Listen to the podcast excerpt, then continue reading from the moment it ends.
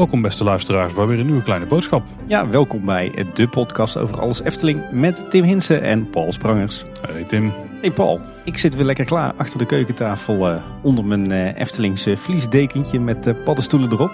Fancy. Maar hoe zit jij erbij? Want de laatste keer dat ik jou zag, zat je strak in een mooi gestreken blouseje ergens achter een tafeltje. Ik zit nu denk ik hetzelfde bij als jij. Al heb ik geen vliesdeken op mijn schoot. Die hangt hier zo om mij heen gedrapeerd. Voor de akoestiek. Zodat ik een beetje beter geluid heb, want het galmt hier ontzettend.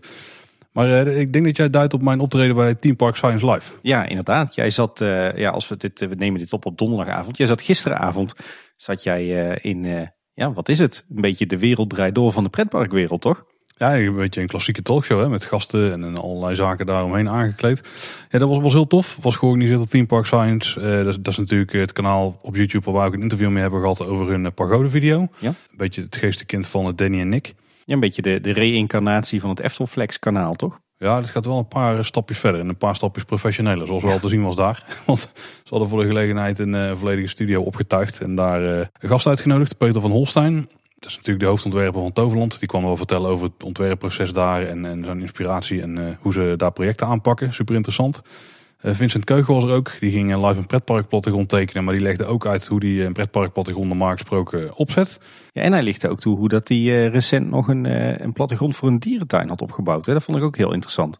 Ja, dus als je net als ons het heel interessant vindt hoe dingen nou ontstaan, hoe dingen worden gemaakt. Nou, dat stukje is ook daar super interessant. En eigenlijk Peter Hills interview ook, want daar gaat het ook precies over. En als je nou benieuwd bent hoe cocktails worden gemaakt, nou dan kom je ook aan het trekken. Want Scott Bravenboer die ging daar live cocktails maken, die ook half live waren verzonnen, hoor ik. Dus ja. uh, die van mij die was nog wel eens best wel te drinken trouwens. De rest daar kan ik geen uitspraak over doen. En Danny die praat het aan elkaar als presentator. Maar wat heel veel mensen niet hebben gezien is dat achter de schermen ook nog tien man bezig waren om alles geregeld te krijgen. Dus cameramensen, regie, productieleider, iemand op de vloer. Social media moest gemanaged worden, audio. Nou, daar werden nog wat vragen tussendoor uitgezocht en zo. Dus er werd met flinke handjes aan gewerkt. En er was gewoon een heel leuke club mensen om dit mee te doen. En ik vond het heel tof dat ik daar een klein onderdeel van mocht vormen. Ja, jij was echt de, de tafelheer, hè, om in de wereld draait door termen te blijven. De sidekick van Danny. Nee, ik, ik kon het zelf niet live kijken. Acht uur s avonds is, dan is het hier nog spitsuur thuis. Maar ik heb het de volgende ochtend vroeg meteen teruggekeken. Ja, en ik kan alleen maar zeggen, als je niet alleen Efteling liefhebber bent, maar je bent ook liefhebber van bijvoorbeeld Toverland. Of gewoon liefhebber van pretparken en themaparken in het algemeen. Dan moet je het echt gaan terugkijken, want je krijgt een fantastisch inkijkje in de wereld van ja, theme park design eigenlijk. Hè? Dus we zullen de link naar de aflevering in onze show notes plaatsen. En die vind je natuurlijk op onze website, kleineboodschap.com, bij, bij de aflevering. Ja Tim, maar ik denk dat we dan meteen door moeten naar het grootste nieuws van de week. Ja. Want jij hebt Disney Plus. Ja, inderdaad. Het is eindelijk zover. Met, met dank aan de goede lieve Sint, zullen we maar zeggen, hebben wij eindelijk Disney Plus hier thuis, ja. Dat een oude vent nodig was om zoiets moderns te, te schenken aan jou. ja, precies. Was een, was een goed excuus, een goede reden.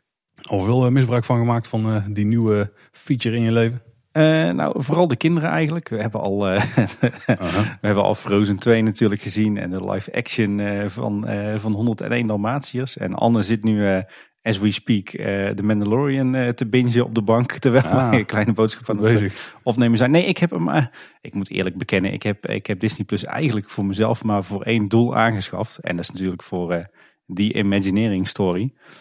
En we zitten inmiddels al op anderhalve aflevering, moet ik zeggen. Maar misschien moeten we daar later deze aflevering uh, even op terugkomen. Want we zijn nu al heel lang een beetje off-topic aan het kletsen voor een Efteling-podcast. Zullen we eens de follow-up induiken? Ja, want er valt weer het een en ander te corrigeren. Nou, we hebben heel interessante feedback gehad van een aantal mensen. Onder andere van Maarten Voet. Die had namelijk wat feedback op de vorige nieuwsaflevering. Toen hadden we het erover dat er bij wat percelen die bij het golfpark hoorden, dat daar nu gras op stond. En daarmee dachten wij dat ze misschien daar zouden stoppen met landbouw vanwege de stikstofuitstoot. Maar Maarten die schreef erover. Tegenwoordig is het verplicht om na mais een zogenaamd vanggewas in te zaaien. Om de laatste restante stikstof op te nemen uit de grond. Dit wil dus niet zeggen dat daar volgend jaar geen nieuwe mais op komt. Nee. Dat was mij niet bekend. Dus heel tof dat je dat meldt Maarten. Ja, dat was voor mij ook nieuw. Ik heb het wel even gecheckt bij mijn schoonbroer. Die is toevallig biologisch akkerbouwer. En uh, die, be, die beaamde het inderdaad uh, dat, wij het, dat wij iets te snel waren met onze conclusie dat er geen landbouw meer zou gaan plaatsvinden. En we kregen ook nog een mailtje van Robin. En het ging er even over van hè, hoezo is Spar nou ineens de leverancier van de supermarkt in de Efteling. Maar Robin die vertelde ons, Spar is voor 45% eigendom van Sligro. En Sligro is samen met Lekkerland de leverancier voor de horeca in de Efteling. En ook de Laplace in de Efteling wordt bevoorraad vanuit Sligro. Dus dat is dat linkje met Spar. Kijk, ik heb je bedrijfstechnisch iets geleerd. Ja. En als laatste kreeg ik nog van een aantal mensen eigenlijk dezelfde tip. Onder andere van Inge, maar ook van Sylvain. En dat ging over de vriendentickets. Want we wisten nu, nu niet precies wat het verschil was tussen de normale vriendentickets en deze. En die gaven allebei aan, de vriendentickets die je nu kan kopen zijn extra op je reguliere vriendentickets. Dus even voor iedereen die het niet heeft gedaan. Je hebt nog tot het eind van het jaar extra vriendentickets die je kunt kopen. Die, dus, die nog tot het uh, ergens in het eerste kwartaal volgend jaar geldig zijn. De reguliere vriendentickets die kosten tegenwoordig 22,50. Maar in deze actie, dus alleen voor die door de weekse tickets, zijn ze 19 euro. En daarbij eh, gaf Sylvain nog wat extra informatie. En die zei de reguliere vriendentickets kan je nog steeds alleen maar bij de gastenservice kopen. En juist deze extra vriendentickets online. Goed om te weten. Fijn dat we zoveel luisteraars hebben. Want uh, ja, samen weten we toch meer dan uh, wij met z'n tweeën alleen. Ja, zeker. Je had ook voor het laatste puntje van follow-up. Dat was uh, follow-up op onze vorige aflevering. Nummertje 188 ging over de financiën van de Efteling. En daarin hadden we het onder meer over de hoge entertainmentkosten van de Efteling. En daarbij dachten wij van nou, misschien valt Aquanura daar ook onder. En Aquanura heeft natuurlijk eh, behoorlijk forse uh, exploitatiekosten. Maar we kregen een tip van een insider. Uh, die wist te vertellen dat Aquanura binnen de Efteling onder attracties valt en niet onder entertainment. Dus die miljoenen die de Efteling jaarlijks uitgeeft, dat gaat echt puur en alleen over de shows en niet over Aquanura. En dan komen we aan bij de hoofdonderwerpen. En er is toch weer een nieuwtje bijgekomen, Tim, wat jou meteen punt heeft opgeleverd voor de glazen bol. Ja, precies. We staan, uh, inmiddels is de stand 2-3. Wie had dat gedacht uh, na twee maanden tijd? Technisch gezien nog 1-3, want die ene, ene punt van mij is nog steeds niet binnen. Officieel. Dan heb jij het over de Herauten natuurlijk. Hè? Nou, ik verwacht die toch wel volledig herschilderd uh, terug op het Herautenplein binnenkort. Maar nee, inderdaad, ik had voorspeld dat er, dat er voor oktober 2021 wat gebouwd zou gaan worden op het, het grasveld tegenover vrouw Bolders Kuche. En er zo waar, deze week ineens uh, groot nieuws. Uh, bekkerij Krumel. En daarmee is eindelijk ook het, hetgene wat wij volgens mij tijdens de Fabula aflevering hadden gehoord van eh, Peter Koppelmans. Dat er in het, voetplein daar zou gaan komen. Die belofte wordt daarmee eindelijk ingewilligd. Want inderdaad, een nieuw horecapunt in de Efteling en niet zomaar eentje, echt een flinke. Zullen we voordat we het gaan bediscussiëren, Tim, eerst eens door de feitjes heen lopen? Ja, inderdaad. Want wat is nou Bekkerij Krummel? Ik moet trouwens opletten dat ik niet uh, iedere keer uh, Bakkerij Belhamel ga zeggen. Want ja. zo stond hij eerder bekend onder insiders. En ook als je goed op wat schetsen keek op achtergronden van making-ofs. maar wat is Bekkerij Krummel? In de winter van 2021 gaat dus bij Max en Moritz en Vrouw Boltskuge het nieuwe horecapunt Bekkerij Krummel open. En dat wordt een ambachtelijke bakkerij. Uh, waar je verse afgebakken producten uit de oven kunt krijgen. Zoals plaatgebak, vloerbrood en broodpizza's. In combinatie met allerhande lekkere koffies en sappen. En we gaan er ook de hele dag bakkers aan het werk zien. En de capaciteit die wordt uh, best wel flink. 125 personen binnen, dat is best groot voor de Efteling. Ja. En 50 personen buiten. En het ontwerp is van uh, Jeroen Verrij. En het zal een totale investering zijn van 3 miljoen. 3 miljoen euro, hè? Wat een bedrag voor een, een bakkerij. Als je het zo zegt wel, ja. ja. Duurder dan de Zes Zwanen bijvoorbeeld. Ja, inderdaad. Dat was een goede 2 miljoen, hè? Ja. Ja. Um, Bekkerij Krummelen wordt uh, duurzaam gebouwd met duurzame materialen en keukenapparatuur. Er gaat weer uh, gasloos verwarmd worden, maar ook gasloos uh, gebakken. er wordt extra rekening gehouden met afvalscheiding. Dus misschien dat we eindelijk ons afval kunnen scheiden over allerhande verschillende soorten afval. en er gaat gebruik gemaakt worden van duurzame disposables. Dus denk dan aan de bordjes en de bakjes en de vorkjes en dergelijke. Uh, er wordt eten verkocht met het betere keuzelabel. En er zijn ook dieetvriendelijke en vegetarische belegsoorten te krijgen. Ja, de bakkerij die lijkt gebaseerd te zijn op een stukje wat de Efteling zelf heeft opgenomen in het nieuwe sprookjesboek. In het verhaal van Max en Moritz. Daarin hebben we namelijk een passage en die stelt op een avond worden ze door de bakker betrapt als ze koekjes willen stelen uit de bakkerij. Dan lijkt een lot bezegeld. De boze bakker stopt hen als broodmannetjes in de oven. Als dat maar goed afloopt. Broodmannetjes, zou dat een uh, signature snack uh, worden daar, Paul, denk je? Ja, dat zou goed kunnen. Het zou mooi zijn als daar zo'n Mickey Mouse smaak aan zit. Hmm. Maar deze passage loopt in het originele verhaal iets luguberder af. Want volgens mij is dit het einde van Max en? Ja, inderdaad. Volgens mij worden ze dan toch uh, uiteindelijk gevoerd aan uh, de varkens. Was het uh, niet zo? Ja, inderdaad. De start van de bouw is in maart 2021. Maar er zullen nog wel wat grondvoorbereidingswerkzaamheden aan vooraf gaan. En ze hebben natuurlijk net de vergunning aangevraagd.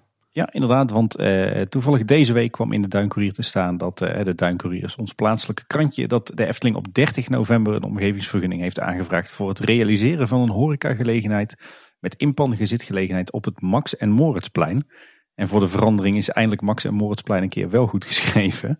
Zonder, uh, zonder spatie. En ja, dat is waarschijnlijk ook de reden waarom ze deze week naar buiten zijn gekomen met, uh, met, met het blogbericht en het persbericht. Hè? Want uh, ze wisten natuurlijk dat deze vergunningsaanvraag naar buiten zou komen. We hebben overigens geprobeerd uh, bij de gemeente om uh, de bijbehorende tekeningen uh, op te vragen. Die hebben we nog niet gehad bij het opnemen van deze aflevering. Maar mochten we die later binnenkrijgen, dan, dan delen we die met jullie via social media. En dan zullen we de inhoud daarvan in onze volgende nieuwsaflevering bespreken. Als er nog interessant te zien is inderdaad. Ja. Dan heb ik toch wel zin om eens die plaatjes te gaan bestuderen die we hebben gekregen van Efteling. Want we hebben twee afbeeldingen gekregen. Ja. Een soort bird's eye view van het hele plein. Tenminste gezien vanaf boven de Max Moritz achtbaan richting het hoekje daar. Dus we zien het paardje weglopen richting Vater Morgana. Rechtsonder in de hoek zien we vooral Boldeskuchen. En de andere die is van de zijkant. En beide geven ze interessante detailsprijs. Absoluut, ja. Twee prachtige tekeningen van Jeroen Vrij. Echt om je vingers bij af te likken. Uh, maar als we eerst met die bird's eye view uh, beginnen. Dan valt mij meteen op dat eigenlijk zo'n beetje het hele grasveld wat nu nog braak ligt. Dat wordt eigenlijk volledig bebouwd hè, met de bekkerij Krumel. Ja, want ik denk dat je je niet moet vergissen in hoe groot dit gebouw gaat worden. Want dit wordt echt een lel van een gebouw. Het bestrijkt inderdaad ongeveer het hele grasveld wat daar nu ligt. En ik denk dat aan de achterkant nog één hoekje dus is vrijgemaakt voor terras. Ja. Vooral aan de zijkant en de achterkant. En natuurlijk voor back of the house. Hè? De leveranciers, de, de opslag, de afvalverwerking. Daar zal ook nog wel een hoekje voor bedacht zijn. En het is uiteindelijk ook twee verdiepingen hoger. Ik zou je aan de binnenkant ook omhoog kunnen? Ik denk het wel. Dat moet haast wel. Ik denk inderdaad dat we hier op de eerste verdieping van, van het hoofdgebouw, want daar moeten we het zo eens over gaan hebben. Maar ik denk dat we op die eerste verdieping ook wat terrasruimte gaan krijgen. Ja, want als je kijkt naar het, naar het gebouw, naar de bekkerij, dan zou je kunnen zeggen dat het in de basis uit twee volumes bestaat. Je hebt eigenlijk het, het hoofdgebouw, de bakkerij. Twee laags, nou ja, eigenlijk drie laags. Hè? Een begane grond, een eerste verdieping en een soort van zolder met een schuin dak. Echt zo'n typisch Duits gebouw. En uh, daaraan is aan twee zijdes een, een lagere aanbouw gemaakt van hout. met ook een, een schuin dakje erop. En ik denk dat we daar ook veel terrasgelegenheid gaan krijgen. Maar een heel, ja, een heel dynamisch gebouw. Hè? Verschillende hoogtes, verschillende uitbouwen aan alle kanten. Zeker geen blokkendoos. Nee, zeker niet. Ik denk dat het een heel mooie toevoeging is aan het plaatje. Hij is, hij is denk ik wel heel groot. Echt een stuk groter dan de Steenbok. Misschien niet het totale Steenbokgebouw. Maar dit is vooral de plek waar je als bezoeker kunt komen. Die wordt wel enorm groot. En inderdaad qua uitstraling is wel heel tof. Ook met de mooie lampjes eraan. Flink wat decoratie erop. Ja. Van, die, van die schilderingen zoals we die in die gebieden zien. En die we ook op de muur bij, bij Hollebolle Gijs daar zien bij, op dit plein. Ja. En er zit ook wel wat geintjes in verstopt hè? Ja, absoluut. Want we zien her en der uh, toch wel wat uh, sporen van de streken van Max en Moritz. Ja, en niet alleen dat, ook het gebouw zelf. Want het gebouw is natuurlijk een soort promotie voor die bakker. Die heeft ook een uitgangsbord. Uh, en die zit dan vast aan de schoorsteen die daar op zit. En er zit zo'n heel klein ovenopeningetje in. En het bord zelf, daar hangt aan een soort metalen object wat dan daar broodjes in lijkt te schuiven. Nou, dat is toch creatief mee te werken. Ja, absoluut ja. En een luisteraar was het nog opgevallen, maar ik weet niet of dat het zo is. Maar je hebt ook uh, op het uh, boeibord, denk ik Tim. Dus zeg maar die houten planken op de kopse kant van het gebouw. Daar zit ook een soort zegel op of een soort embleem op het midden daarvan. En daar lijkt de V van mogelijk verhei in te zitten. Maar die zit een beetje verstopt in graan, in een graanlogo daar. Mm, dat moet je goed kijken inderdaad, maar het zou kunnen. Ik moet zeggen, ik vind het ontwerp uh, zeer mooi. En eigenlijk ook veel Duitser dan, uh, dan het hele stationsgebouw van Max en Moritz. Uh, het, het, hoofdgebouw van, van twee lagen en een zolder is zo te zien opgetrokken uit, uit baksteentjes. Kleine steentjes, waarschijnlijk ijzelsteentjes kan ik me zo voorstellen. het dak is gemaakt van, ik denk, houten leidjes of rode aardewerkenleidjes. Dat is nog niet helemaal duidelijk. Er liggen ook van die houten balken op die, uh, die in de wintersportgebieden normaal gesproken moeten voorkomen dat, uh, dat de pakketten sneeuw van het dak afschuiven. Hè? Dat is ook heel erg authentiek. Mhm. Er staat een grote schoorsteen op, die is helemaal gemaakt van natuursteen. Een beetje dezelfde natuursteen als die we terugzien bij vrouw Bolters Kuchen. En dan heeft het, het gebouw aan de kopse kant heeft het een, ja, eigenlijk een soort uitbouwtje en overkappingje, ook weer met leidjes. we zien heel veel houten luikjes, mooie armaturen inderdaad in een Duitse stijl. Bakken, bloembakken met geraniums onder de ramen. En als je dan kijkt naar die aanbouw die aan de zijkant en de achterkant van de, van de bakkerij ligt, die is dan weer helemaal opgetrokken uit uh, hout in verschillende kleuren. Uh, we zien liggende uh, bruine planken en staande, ja wat is het, een beetje groen-blauwe planken. Mm -hmm. Verder veel ramen en openslaande deuren, ook hier weer hele mooie houten luiken.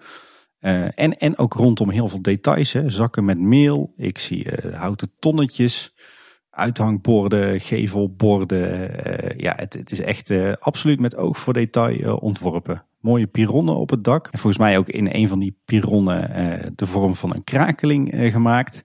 Dus het is echt ja, helemaal af. Ja, die uitbouw aan de zijkant heeft aan de onderkant dan ook nog opgemetselde muurtjes. Ja, en op de, de houten boeiboord ook trouwens een prachtige schildering met, met een beetje van die Duitse bloemfiguren. Hè?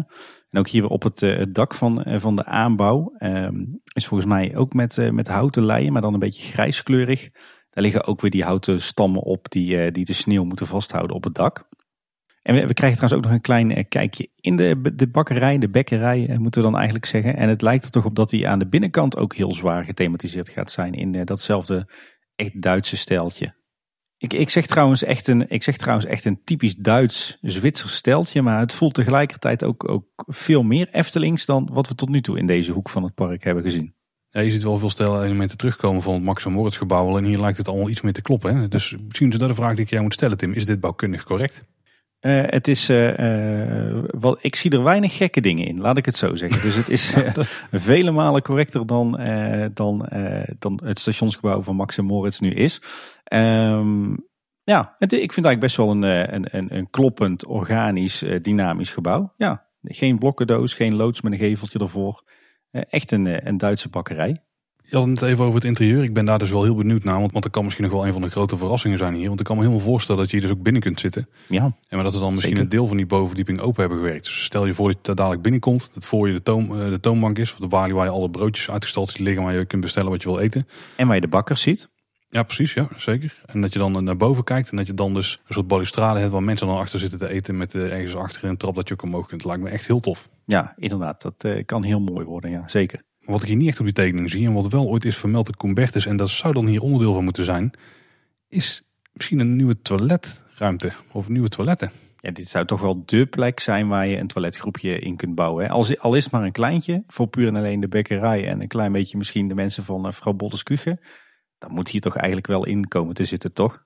Er is toch wel een beetje hoop, want als ik naar de Bird's Eye View kijk en ik kijk helemaal links naar het gebouw, dan zit daar wel een plakkaat op of een soort bordje met mogelijk een pijl naar links die zegt van hier moet je naartoe als je naar het toilet wil gaan. Dat zou, uh, ja, zou kunnen. Zou kunnen. Beetje wishful thinking. Beetje veel wishful thinking. Want er loopt dan nog een paadje weg naar achter. Er zitten trouwens al meer uh, leuke geintjes in de Bird's Eye View. Hè. Ik denk dat degene die de laatste dag het meest aan is gehaald, toch wel uh, Jurgen Freilich is. Die achter de, de braadstoof staat van, van het tentje waar je nu in, tijdens de winter Efteling de curieurst kunt halen.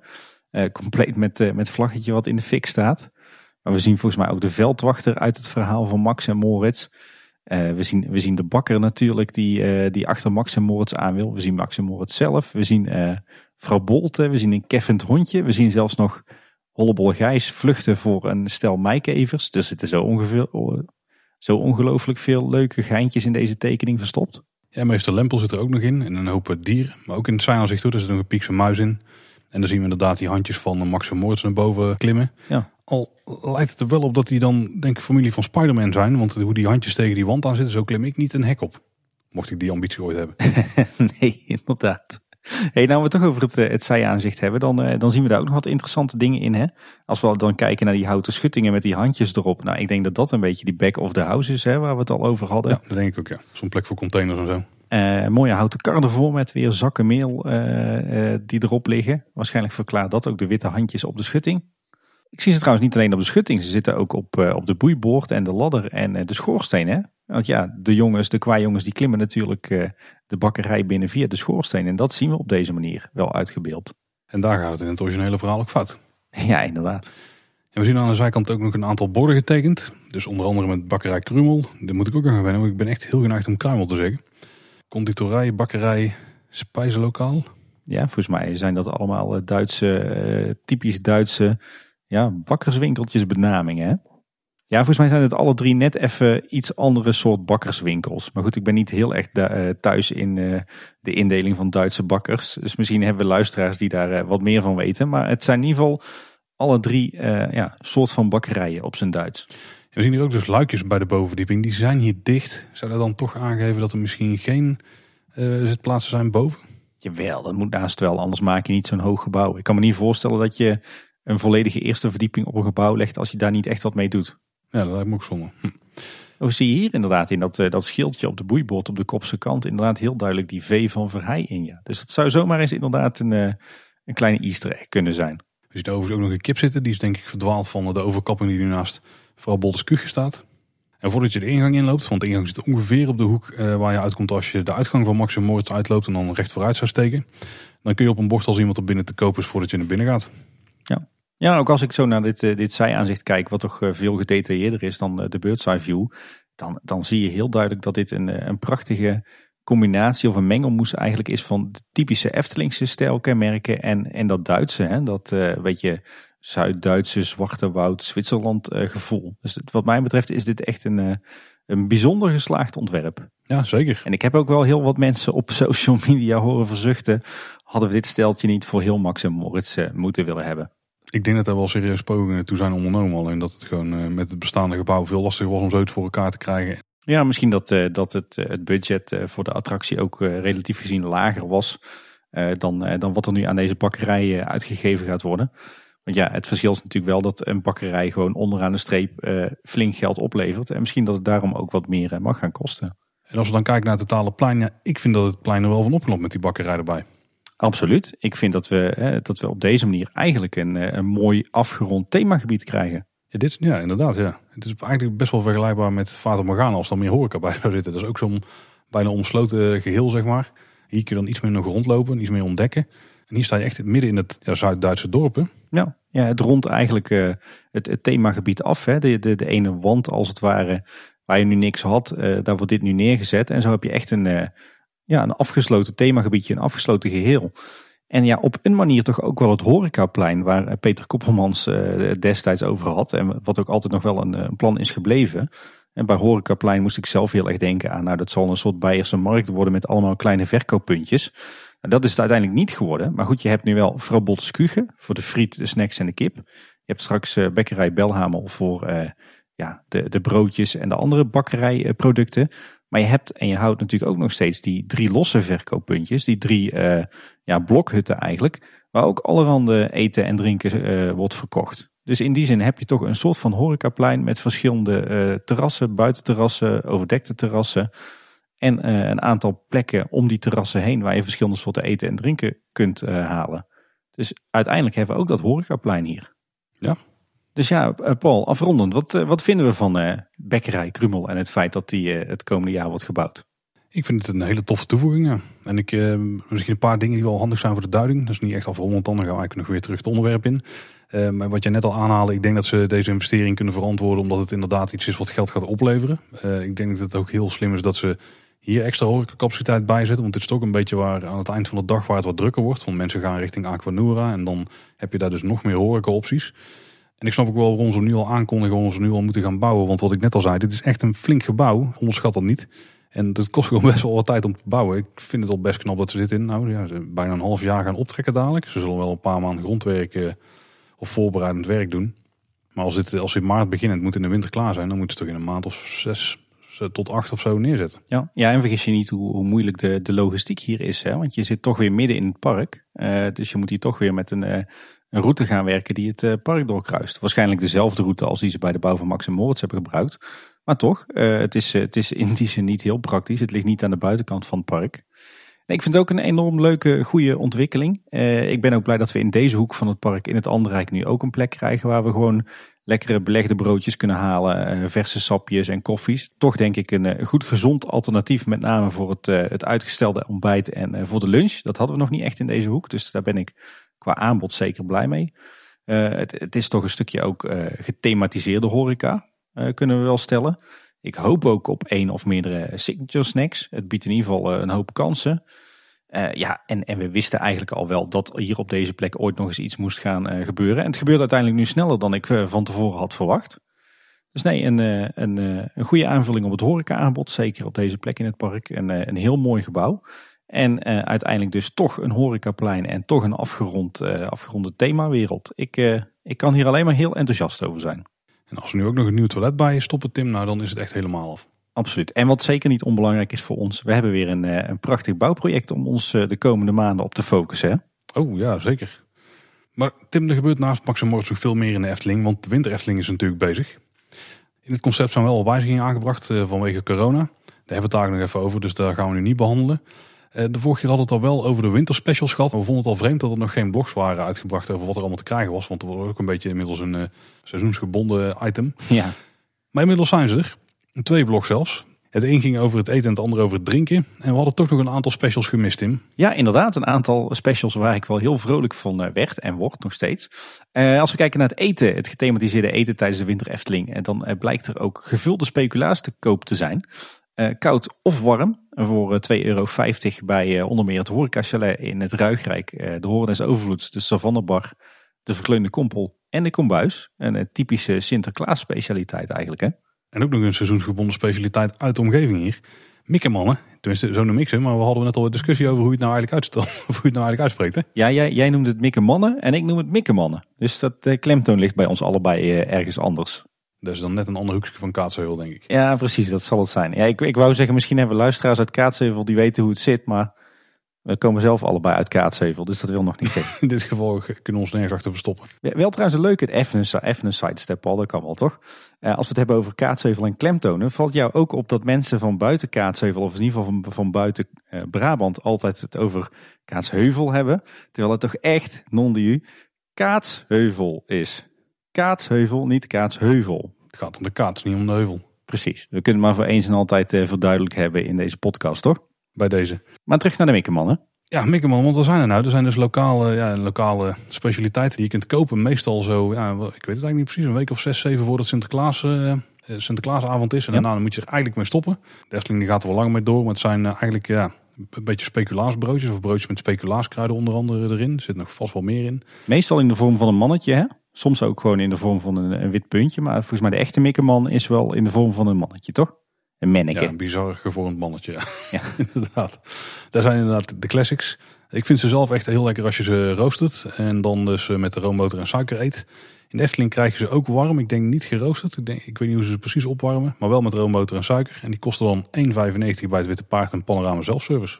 Nou, geen geld. En dan eet je dus echt een, eh, een Ketsheuvelse specialiteit. Ja, en ook nog tot ver na Sinterklaas. Nou, hoe, hoe gethematiseerd wil je het hebben? Hoe signature snack wil je het hebben? Dit, uh, dit is toch top? Dit eh, ga je niet in heel veel andere parken vinden. Nee, precies. En dan hebben we tot slot nog het verwenmomentje. Uh, de bekende bakje, plastic bakjes met, wat zat erin ook alweer? Een chocoladebonbonnetje en een stroopwafeltje. En, ja, een fudgeblok volgens mij. Waren voorheen altijd te krijgen in het IJspaleis. Ik heb me er ook geregeld aan gelaafd. maar dit jaar zijn ze voor 2 euro te krijgen bij het Witte Paard, Panorama Self-Service en de wachtruimte eerste klasse in Station de Oost. Ook uh, lekker voor uh, tussendoor. Niet, niet heel gezond, denk ik. Maar uh, ach, het is winter, hè? dus je moet toch het motortje brandende houden. En er was ook nog een bericht over de drankjes. En die hebben we de vorige keer wel een aantal genoemd. Maar er waren nog een paar die waren voor ons enigszins een mysterie. Vooral qua ingrediënten. Maar ja, wat, wel, wat goed is om te, om te weten is de Glühwein special. Daar hadden we het de vorige keer al over. Die krijg je dus geserveerd met citroen, appel en sterrenijs. Die heb ik vorig jaar een flink aantal keer achterover geslagen. En dat is een prima combi. Wat ik een hele leuke vond is de glu appelsap. We hadden het de vorige keer al kort over. Maar wat is dat nou? Dat is een warme appelsientje troebel. Uh, met uh, van die uh, Monin siropen die je normaal gesproken in je koffie gooit. de gingerbread versie, oftewel speculaas. En daar zit dan zit een stukje citroen, appel en mandarijn in. Oké. Okay. Ik, ik, ga hem denk ik toch nog wel proberen deze winter Efteling. Ja, dan hebben we deze winter natuurlijk ook gewoon de koffiespecialiteiten. En zo is er de, de Red Velvet variant. En wat blijkt, die wordt gemaakt van een siroop van rode bietensap. Oh, lekker. En daar gooien ze van die Monin witte chocoladesiroop bij. En dan heb je dus die red velvet uh, latte. En deze klinkt heel goed, Tim. De warme chocomel s'mores. Er zit een grote marshmallow dan in de chocomel. En de butterscotch crunches erop als topping. Douwen ze die, die marshmallow er dan in terwijl die beker vol zit. Dat je dan een soort van vloedgolf van chocomel over je heen krijgt. Dat mag je zelf doen, denk ik. Ah, kijk. Als je net zo'n grote neus hebt als ik, dan doe je dat vanzelf terwijl je aan het drinken bent. Hè? Link, jongen. dat zijn jouw woorden. Jij, jij bent de tv-personality van ons twee, hè? Dus. Ja, daar gaat, ja. Oh, toen moest ik ook chocomel drinken. Er zijn nog meer chocoladeachtige substanties te krijgen. Er is namelijk ook nog een eh, chocolate chip cookie chocomel. Er zit chocoladesaus in, warme chocomel, slagroom, chocolate chip cookie. Hoe kan het ook anders? Er zit een chocoladedecoratie op en er zit nog cookie siroop op. Nou, als je een suikervrij dieet hebt, dan laat deze maar staan, denk ik. Dan gaat het hard fout. nog meer chocomel, Tim. En chocomel maak je eigen smaak. Die kun je bij de verkleumde kompel krijgen. Dat is eh, chocomel met slagroom. En dan kun je dan twee toppings op laten gooien en een siroop naar smaak. Ja. En eh, tot slot is er dit jaar ook weer de warme chocomel in de speciale winter Efteling beker die mee naar huis mag. En die kost 4 eurotjes en die is op heel veel plekken in het park te verkrijgen. En er was ook een winter special Unox broodje. In dit geval was het de chili cheese winter special. Heb je die geproefd? Ik heb die tijdens een van mijn vorige bezoekjes geproefd. Ik denk ik wil toch eens weten hoe die smaakt. Want een chili cheese Unox rookworst klinkt, klinkt veelbelovend. En dat viel een beetje tegen. Een beetje erg tegen moet ik bekennen. Ja, ik heb ook Pieter er eens in proeven in een, van zijn vlogs. En die was er ook niet heel positief over, nee. Ik dacht, een chili cheese special. Hè? Je krijgt zo'n lekker knapperig broodje met zo'n zo'n Unox worst. En dan nou, zeg eens gauw, uh, van, van die lekkere warme cheddar cheese er overheen, weet je wel, met een scheplepel. En nou ja, het is chili cheese, dus misschien krijg je dan wat van die, van die chili pepervlokken of jalapeno pepers eroverheen gestrooid, weet je wel. Uh, super lekker, daar is van alles voor te bedenken. Maar wat blijkt het nou te zijn? Het is gewoon een broodje Unox. En dan een of andere mayonaise-achtige saus waar kaaspoeder doorheen gemengd zit. Waardoor het een soort mayo is met een kaassmaak. Die krijg je een flinke kwak ervan over. En dan krijg je nog een andere kwaksaus. Dat is dan een of andere hete saus. En dan nog uh, een sloot aan, uh, aan van die gebakken uitjes eroverheen. Dus je bent eigenlijk vooral saus, saus en saus aan het eten. Klinkt niet heel aantrekkelijk, nee. Nee, dat was een tegenvallertje ik zag Pieter in zijn vlog die ook de curryworst eten. En dat zag er wel verreks goed uit. Dat zag er heel goed uit, ja. Dus ik heb nog op mijn verlanglijstje staan uh, voor het eind van de winter Efteling. Uh, ook even die uh, curryworst te gaan proeven bij Max en Moritz. Alles voor de podcast natuurlijk, hè. Maar die, die Uno's Winter Special, dat, nee, dat was een, een tegenvaller. nou, weer door naar de, de vrolijke positieve nieuwtjes over de winter Efteling. mij viel nog een, een, leuke nieuwe decoratie op deze, deze editie. zo zag ik dat bij de Olijke Tweeling, hè, die de overkapping bij de smulpaap waar je binnen kunt eten. Dat ze daar nu op de tafels eh, van die hele mooie uh, winterse mini tafereeltjes hebben gemaakt. Uh, zijn eigenlijk schijfjes van een, een boomstam. Met daarop een, een sleetje, een dennenappel en een besneeuwd kerstboompje. Een heel toffe kleine decoratie. Heel mooi gedaan.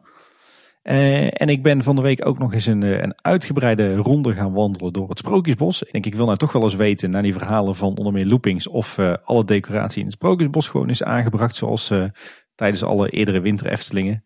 En ja, dat blijkt het geval. Alle decoraties zoals je die kent van de voorgaande jaren, die, die zijn gewoon aangebracht. De guirlandes met thematisering, de winterkleding, uh, alle extra decoraties op tafeltjes, alle kransen, alle leuke knipoogjes. Uh, het is allemaal gewoon weer aangebracht uh, zoals we het kennen. En het ziet er allemaal weer, weer puik uit.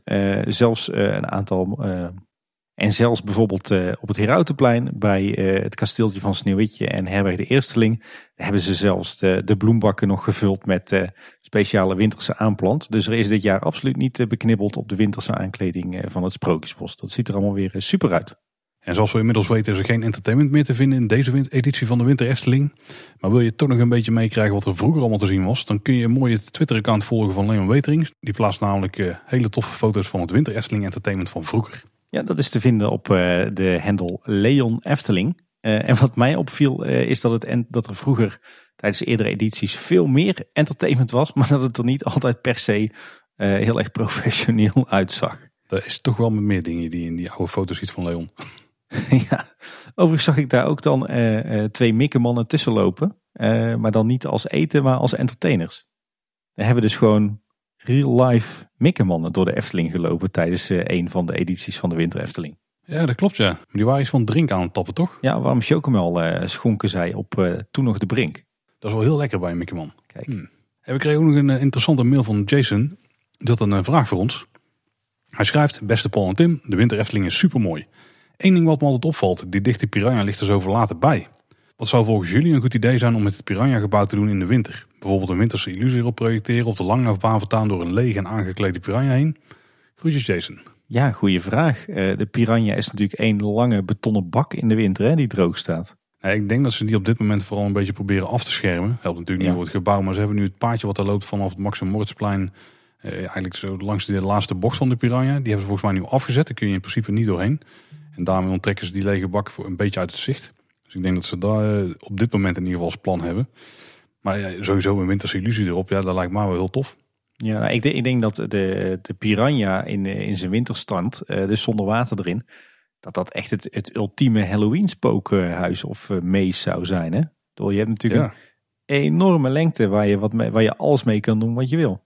En we doen ze wel al die balken eruit halen die daarin gemonteerd zijn. En een beetje, misschien een vlonders eroverheen, dan zou het kunnen. Ja. Ja, dan gaan we in één keer wel de, de Halloween tour op. En dan heeft de Efteling toch wel laten doorschemeren dat ze dat per se niet gaan doen. Of niet per se gaan doen, moet ik eigenlijk zeggen. Nee, ik, ik, wil ook, ik wil ook zeker geen Halloween in de Efteling. Daar ben ik ook geen voorstander van. Maar ja, toen we die vraag kregen van Jason, dacht ik, ja, wat moet je nou in godsnaam de Piranha voor, eh, voor gebruiken? Maar ja, het, het is echt volgens mij de ideale locatie voor een Halloween spook, eh, spookhuis of spookmees. En verder, ja, verder wordt het lastig, hè?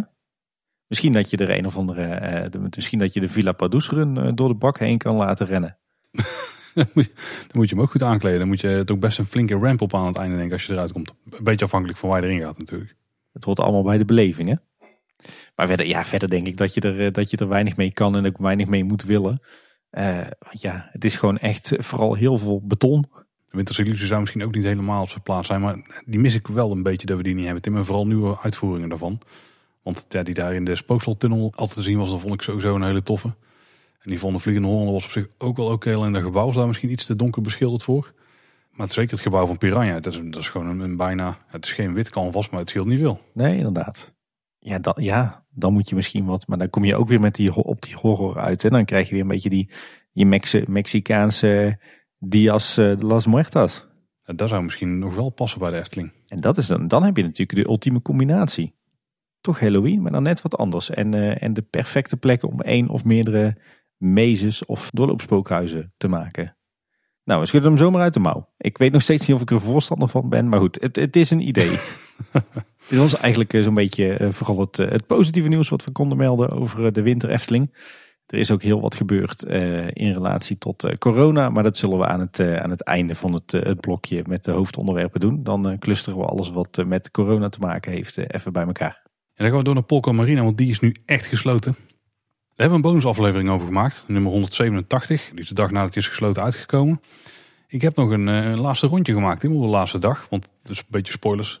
De dag dat wij dat gingen opnemen was niet de allerlaatste dag. Maar dat was wel de laatste dag dat wij samen een rondje hebben gemaakt. Ik heb toch stiekem, eh, ik ben vreemd gegaan Tim, ik heb nog een rondje gemaakt. Ja, ik zag wat foto's van jou voorbij komen met eh, van een donkere, regenachtige, treurige avond. Het was geen goed weer, nee. Er waren ook niet zo heel veel mensen. Ik denk, ik heb volgens mij het laatste kwartier eh, een rondje kunnen doen. Ik denk dat er iets van 30, misschien 40 mensen rondomheen stonden. Ik, denk te wachten tot het laatste rondje mo- mochten doen. Eh, wat dan ook makkelijk heeft gepast trouwens. Want er kunnen dus, eh, zoals we inmiddels weten, best wel veel mensen in. Wa- Was, was het laatste rondje nog echt een, echt een happening? Werd er nog wat georganiseerd of was het gewoon echt niet meer dan het laatste rondje? Eerlijk gezegd, ik weet het niet. Want toen waren we al weg. Ah, kijk.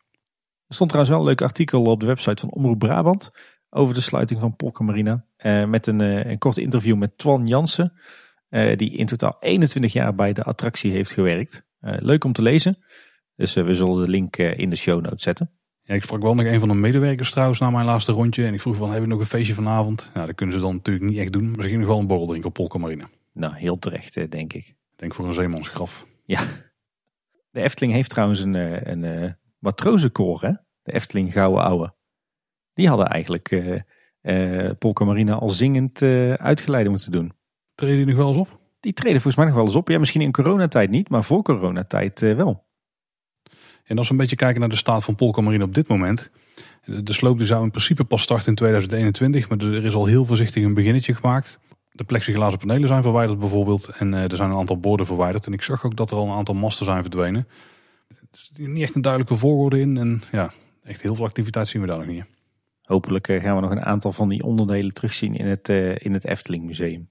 Ja, zou die mast bijvoorbeeld daar al eh, voor bewaard zijn? Ik hoop het. Of, of gewoon aan het archief, dat kan natuurlijk ook. Of ergens anders in de opslag. Maar ik hoop dat er toch nog wel wat van Polka Marina bewaard blijft. Sowieso de walvis met de piraat. Het ingangsbord. misschien één of, of meerdere van die kogges. Ik hoop dat ze die niet allemaal naar de sloop sturen. En mocht je nog iets van Polka Marine willen hebben, er is inmiddels onofficiële merchandise van eh, verschenen. Kelly heeft die gemaakt. Ja, klopt. Eh, Kelly heeft een, eh, een toffe visual gemaakt van de walvis en de piraat. Een beetje gestileerd, maar het is wel meteen herkenbaar als de walvis van Polka Marina. Eh, en daar kun je merchandise van kopen. Ik zag een mok voorbij komen, een shirt, ook een mondkapje en een, een iPhone cover. En ook daarvan zullen we de link in onze show notes opnemen. Weet je wat trouwens ook nog een goed idee is, Paul? Waarom velt de Efteling niet alle 23 de, de kogges voor eh, Villa Padus? Vergelijkbaar met de Bob. Ja, Ik denk omdat de staat van die eh, dingen niet zo goed meer is. Dan zouden ze nog moeten opknappen. En dat is maar de vraag of dat die kosten opwegen tegen het verkopen. Hm. Of zou je ze gewoon onopgeknapt willen kopen? Ik wou net zeggen, dan, eh, dan zou ik echt een, een verweerde kogge willen hebben hoor. Lekker weer in de tuin, een mooie zandbak van maken. Ja, precies. Hey, toen ik daar de laatste avond was, ik denk een uurtje of zo voor sluiting, toen stonden er wel camera's van de Efteling bij Polka Marina. Hm. Al denk ik niet dat dat met Polka Marina zelf te maken had. Want eh, ze waren bezig met Robert Jaap Jansen. Die zag ik eerder al, ik- dat was een beetje een bizar beeld, maar die was door de bosjes aan het lopen bij eh, Max en Moritz. Of eigenlijk in het bossage daar tegenover. Dankjewel Ralf. En daar stond er ook de camera crew bij. En ik denk dat het iets te maken heeft met de bouw van Nest. Je zegt het verkeerd, Paul. Het is nest.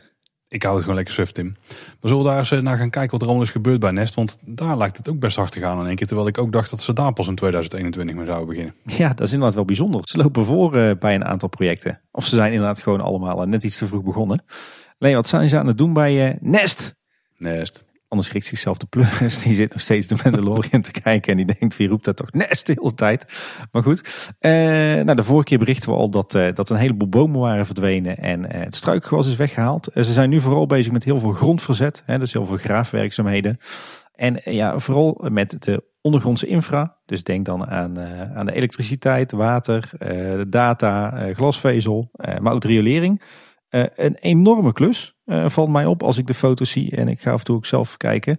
Dus ik denk dat ze hier niet alleen nieuwe infrastructuur aanleggen voor, eh, voor Nest, maar ook eh, dat ze de bestaande infrastructuur die daar door dat bos loopt, en ik kan me voorstellen dat dat behoorlijk wat is, dat ze die ook allemaal vervangen. Misschien preventief, omdat het allemaal verouderd is, maar ik kan me ook voorstellen dat, dat het daar in dat bosje één grote bussel van kabels en leidingen is, eh, waarvan niemand precies weet wat waarvan is. Eh, en volgens mij leggen ze nu een, eh, ja, eigenlijk een gloednieuw tracé aan rond de speeltuin. Dus wordt alles meteen netjes vernieuwd en netjes opgeschoond.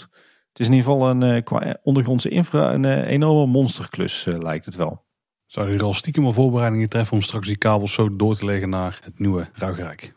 Nou, ik denk eerlijk gezegd dat ze een, eh, een strookrijk, eh, dus zeg maar de, de grote uitbreiding aan de oostkant, dat ze die wel echt eh, vanuit een volledig nieuw systeem gaan voeden. Ik denk niet dat ze die aantakken op de oude infrastructuur van het, van het Ruigrijk hoor. Nou, ik bedoel ook meer op bijvoorbeeld de datakabels en misschien het persluchtsysteem.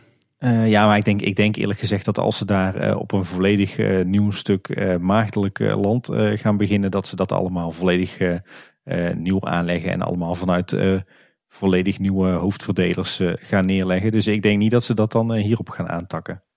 Eh, ja, en wat, wat we verder ook zien, en het heeft hier ook mee te maken, is dat er her en der op het Ruigrijkplein in de omgeving van Nest ook wat gaatjes worden gegraven. En dat is waarschijnlijk om straks de bestaande ondergrondse infra die blijft liggen, om die aan te sluiten op dat nieuwe tracé om Nest heen. Ja, want om het bouwterrein heen er staan bouwhekken met ook bouwdoeken erop. Er staat de inmiddels bekende impressietekening op. Dan vinden we ook een slogan voor het nieuwe speelbos. En die luidt speelbos voor alle dappere durfvals. Met een nadruk op alle natuurlijk. En een aantal ja, losse kreten zoals het verwende nest. Wat misschien ook werd getipt als naam voor het horecapuntje. Maar er staat in de tekening wel nog steeds gewoon honk op. Dus wie weet. En dat het in zomer 2021 klaar zou moeten zijn. Nou eh, waren daar ook een soort van die kijkgaten, een soort bosje met kijkgaten in te vinden. Daar hebben ze naar de rand ook gewoon gaten ingeknipt dat je er doorheen kon kijken. Maar inmiddels hebben ze bijna alle bouwdoeken behalve degene met die impressietekening erop verwijderd. Dus je kunt gewoon ook door de hekken heen kijken. Dus Precies. die eh, kijkgaten die zijn een beetje overbodig. Ik heb dat laatste uitgebreid staan doen met een eh, bakje koffie van eh, de rustende reiziger. Dus dat eh, kan ik zeker aanraden. Over, als we het hebben over gewijzigde namen. We hadden het net al even over Bekkerij Krumel. eh, wat voorheen door het leven ging als Bakkerij Belhamel. Denk je niet dat dat is omdat Krumel misschien wat internationaler is dan Belhamel? Dat zou zomaar kunnen, ja. Het ziet er sowieso wat Duitser uit. Dat is waar. Eh, dan hebben we meteen weer een mooi bruggetje naar het volgende item in ons draaiboek. Namelijk eh, Max en Moritz. Want eh, daar zijn toch weer twee eh, nieuwe dingetjes toegevoegd. Zo viel mij op dat er zo'n, ja, tussen aanhalingstekens, krijttekening is toegevoegd op een van de houten schuttingen bij de ingang van de attractie. Die dan als het ware door Max en Moritz erop gekalkt is. En wat mij vandaag opviel is dat eh, als je eh, op het moment dat je het instapstation inloopt richting je poortje, dat er nu ook een extra omroep is in een, eh, een hele duidelijke, heldere vrouwenstem. Die je vraagt om zelf je bagage mee te nemen in de trein. In heel net Nederlands, maar ook in heel goed Engels. Zeker voor een Efteling omroep.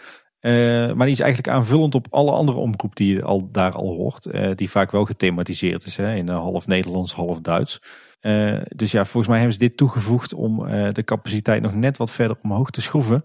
Want ik kan me voorstellen dat die half Duitse omroepen misschien niet door iedereen worden verstaan of dat het niet bij iedereen opvalt. Maar deze vrouwenstem, uh, die kun je absoluut verstaan.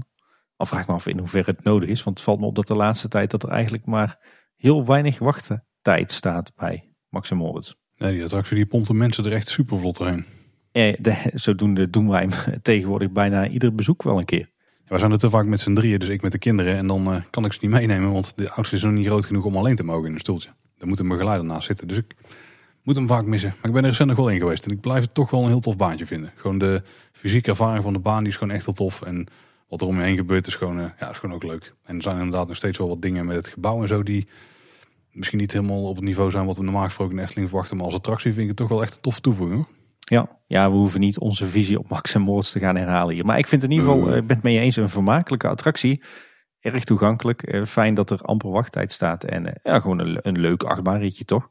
Ja, zeker. Ja, ook gewoon als je van de fysieke achtbaanervaring houdt, dan is het nog steeds gewoon een hele toffe baan.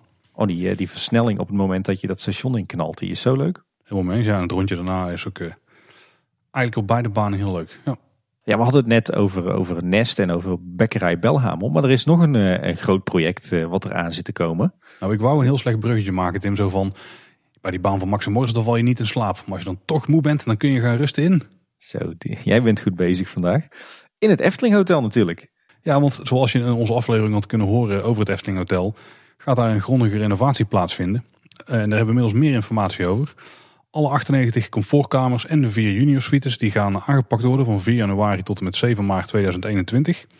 Daarbij komen er nieuwe bedden. Er komt zacht tapijt onder de bedden, maar verder wordt het een vloer met houtlook van PVC. En elke tweepersoonskamer die krijgt een volwaardige extra slaapplek. En wordt daarmee dus een driepersoonskamer. En ook de junior suites krijgen extra slaapplaatsen. Ja, niet alleen eh, de kamers zelf worden volledig gerenoveerd. Ook eh, de badkamers krijgen een, eh, grote beurt. Die krijgen allemaal een, een hele nieuwe look nieuw sanitair en een inloopdouche. En uh, ze gaan ook de gangen en de liften aanpakken, want die gaan straks qua thema helemaal aansluiten op die nieuwe hotelkamers. Ja, dat is natuurlijk nu ook. Hè. Nu sluit de, de, de, gang en zo, die sluit ook goed aan op de kamers zelf. En op de achtste etage van het Efteling Hotel, er worden twee extra comfortkamers gerealiseerd in nieuwe stijl. Met als extraatje het fenomenale uitzicht. Ik denk dat ze hiermee doelen op het uitzicht op de Horst. Nieuwhorst. dat zal het zijn. Dat, is, dat zal het moeten zijn, ja. Of op het uh, dienstencentrum en de back of the house van uh, Vogelrok en het café-restaurant. Ja, dat is ook niet even chic, hè. Dan moet het wel richting een verlegde horst zijn, ja. En die kamers die uh, krijgen ook een tussendeur. En dan kun je er eventueel een zespersoons familiekamer van maken. Ja, en wat ze hebben gedaan is op zich wel heel interessant. Om ervoor te zorgen dat de vernieuwingen goed aansluiten bij de wensen van de gast. Hebben ze nu een proefkamer ingericht. Natuurlijk op de manier zoals straks alle comfortkamers zouden moeten gaan worden. Uh, en gasten die in die kamer hebben geslapen, die uh, moeten na afloop een uh, vragenlijst invullen. En op basis van de antwoorden en de suggesties wordt uiteindelijk de, de styling, de indeling en de inrichting nog onder de loep genomen en eventueel aangepast. En, en wat ik ontzettend leuk en goed vond, en wat overigens ook breed is uitgemeten in onze lokale en regionale media, is dat een deel van de oude meubels uit het Efteling Hotel een tweede leven krijgen. Die gaan namelijk naar de Spullenbank hier in Kaatsheuvel. En mensen met een bescheiden portemonnee, eh, die kunnen daarvoor eh, weinig geld dus straks eh, de oude meubeltjes uit het Efteling Hotel kopen om het eigen huis mee in te richten. Ja, weer een tof initiatief. Absoluut. Liever dat dan dat het allemaal in de container verdwijnt natuurlijk. Ja, inderdaad. Zoals gaan kijken Tim naar hoe die kamer er dan uitziet. Want we hebben nou dus inmiddels ook een, een impressie daarvan gekregen. Ja. De vorige kamers in het Efteling Hotel die hadden een beetje ja, in het algemeen een lichtblauwe kleur als, als hoofdtint zeg maar. hier is meer een soort koningsblauwe kleur. Dus inderdaad, ja, eigenlijk is het één, één hele belangrijke kleurstelling hè, die in de hele kamer en de badkamer is doorgevoerd. En dat is inderdaad dat, uh, dat koningsblauw, uh, zoals jij het terecht al noemt, in combinatie met, uh, met goud. En ik moet zeggen dat op basis van de impressies die ik hier zie, of dus de, de proefkamer denk ik, vind ik misschien wel een tikje minder Eftelings. Op het eerste gezicht, als je gaat speuren, dan vind je wel een hoop details, zoals een mooie, zoals een mooie decoratief element op, de, op het hoofdbord. Maar ook daar een, een soort van lampje waar een, een soort ja, ganzenhoofd insteekt of zo. Ja, een eendenlijfje moest ik zelf aan denken. In de hoek zien we een soort sofa. Ik denk dat dat dan de, de derde plek is. De derde slaapplek die gerealiseerd kan worden in zo'n kamer is. Uh, er zit ook een soort, ja, ik denk dat het een bijzettafeltje is. Want als poef dient hij niet echt heel gunstig. Want er zit een soort kroon op de bovenkant met een paar uh, scherpe punten. Dus dat denk ik vooral bedoeld om dingen op te zetten. Maar ook uh, 7 mijlslaarzen denk ik. Ja, inderdaad. Die dan dienen als een soort prullenbak.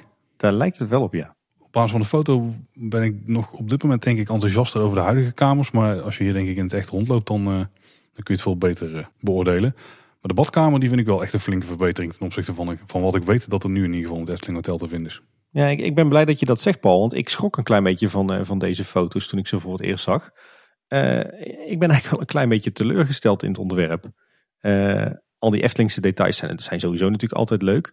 Maar ik, bij die, de, de oude comfortkamers, uh, wij zijn er natuurlijk ook binnen geweest in een aantal. Uh, die waren lekker licht, lekker wit, lekker fris. Toch, toch zeker wel Eftelings met een hoop uh, subtiele details. een muisje hier en een rood schoentje daar. Maar die, die waren voor mijn gevoel heel erg, ja, straalde echt een, toch een bepaalde mate van rust en subtiliteit en stijl uit. En deze kamers lijken, lijken heel erg donker en heel erg veel en heel erg overheersend als je die foto's zo ziet. Kijk, wat ik ook een leuk element vond aan die oude kamers en eigenlijk het hele Efteling Hotel, want er kwam bijna overal terug. Dat was dus het, die decoratieve print die overal werd toegepast. Hè? Ja. Met die Efteling krullen waar dan soms die figuren in gebruikt werden. En die zijn nu helemaal weg. En hier lijkt, ja, een soort, ik weet niet precies wat het is, maar een beetje een random stilistisch patroontje of zo op de achtergrond zit. Of misschien dat er komt dat de lampen daar een bepaald patroon op die uh, wanden werpen, dat weet ik niet zeker. Dat is nog lastig te beoordelen. Dat zijn dus redenen waarom je het graag in het echt zou willen zien. Ik vind de kamer zelf, ja, ik, wat ik net al zei, de huidige uitstraling, ja, die doet mij iets meer. Maar... Ja. ja, ik moet zeggen, ik, ik kreeg hier ook heel erg dat land van ooit gevoel bij. Met, met die, die kroon en die zeven mijlslaarzen en kussens in de vorm van pompoenen. Het, waarschijnlijk is het dat, ja, een beetje dat koninklijke wat we niet echt terugzien in de Efteling zelf. Maar ja, ik weet niet. Ik, ik denk dat ik de huidige kamers gewoon lichter, frisser en subtieler, maar tegelijkertijd ook Eftelingser vind. Heel, heel raar. Ik, uh, ik had toch iets anders verwacht, eerlijk gezegd. Nou, de badkamers die voldoen dan wel meer aan mijn verwachtingen. En die zijn ook volgens mij wel een stuk beter, een stuk fijner dan, die, uh, dan de vorige. Uh, die zijn in het algemeen best clean, maar wel met een iets meer passend meubel. met een beetje buizen onder de wastafel, zeg maar, die het geheel omhoog houden. En ook gouden kranen bijvoorbeeld. Eh, die zitten eigenlijk overal. Dus ook de douche die heeft, is voorzien van gouden. Maar de douche zelf lijkt zelfs van goud te zijn. De douchekop. Ja, je hebt eigenlijk een scheiding aan de onderkant marmer. Daarboven heb je weer het koningsblauw. Maar ertussen zit ook een gouden streep. En ik zie hier nog wel het geintje, denk ik, met het reflecteren van de tekst. Spiegeltje, spiegeltje aan de wand. Al kan ik niet helemaal beoordelen wat er op de wand staat. Want die foto is niet super scherp. Maar ik denk dat er hier weer zo'n spiegelbeeld geintje weer in zit. Zo'n detail. Dat is dan natuurlijk wel hartstikke tof. Ja, verder, ik, ik, eigenlijk moeten we dit gewoon een keer in het echt gaan kijken, Tim. Dan kunnen we er echt over oordelen. Ja, misschien worden er nog wel dingen aangepast en misschien vertekenen de foto's wel heel erg. Maar uh, ja, nee, het, het is even wennen. Maar uh, ik ben het met je eens, we moeten het misschien maar eens uh, in het echt gaan bekijken. Dan het gevreesde onderwerp in ieder draaiboek van de afgelopen maanden, de coronacrisis.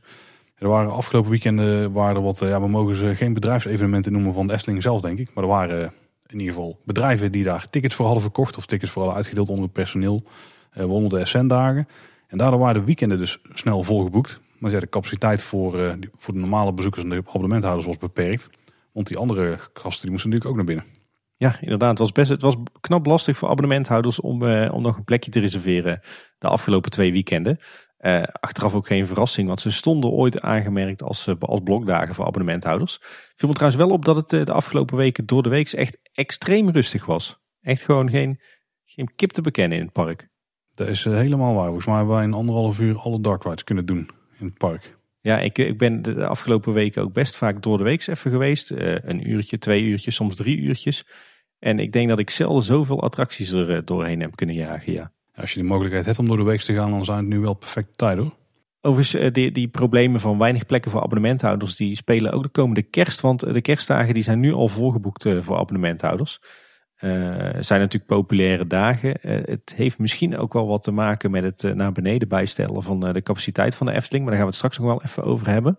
Ehm, maar ook dat is nog wel een dingetje. En mij is het uiteindelijk niet meer gelukt om traditiegetrouw op eerste of tweede kerstdag naar de winter Efteling te gaan. Bij ons wordt het nu uiteindelijk derde kerstdag. dat lukte nog wel. nou, we hadden het net al over, over die capaciteit die wellicht wat naar beneden zou zijn geschroefd. En dat komt eigenlijk door het feit dat er de afgelopen twee weken toch weer geregeld een, eh, een stormpje opstak op sociale media en uh, op, uh, in de grote mensenmedia over de vermeende drukte in Efteling. Er is een hoop gedoe geweest over de Essent-dagen, waarop sommige mensen vonden dat het er op foto's te druk uitzag.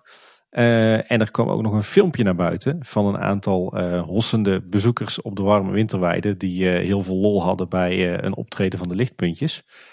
En ja, beide zaken hebben dus het nodige stof doen opwaaien op sociale media eerst. En daarna natuurlijk ook weer via de gebruikelijke kanalen zoals Brabants Dagblad en Omroep Brabant, BNR. En volgens mij ging het zelfs richting shownieuws en RTL en dat soort nationale media. En deze keer niet echt een storm in een glas water. Nee, de heeft eigenlijk vrijwel direct daarna maatregelen getroffen. En die zijn gestopt met muzikaal entertainment. Want ja, dit is op dit moment... Kijk, ik kan me voorstellen, mensen zijn in het park en die hebben gewoon een leuke dag. En die laten zich een beetje gaan en zo gaat dat. Maar ik denk dat het lastig te verkopen is aan de rest van het land. En dat dat, dat niet die imago is wat ze willen hebben van... ja, kijk, dat gaat er allemaal wel. Weet je wel, de wijzende vingertje, daar is in dit geval weinig zin in. We zijn dus gestopt met muzikaal entertainment. Dat betekent praktisch dat Jalka en Kendrick en de lichtpuntjes niet meer terugkomen. Inmiddels is het podium ook verwijderd daar. Ja. De meet and greets die gaan vooralsnog wel gewoon door. En de Efteling zegt zelf, we hebben gemerkt dat we op een aantal locaties niet genoeg controle hebben over het gedrag van onze gasten. Ondanks alle crowd controllers en maatregelen. We denken nu over eventuele extra maatregelen voor het weekend.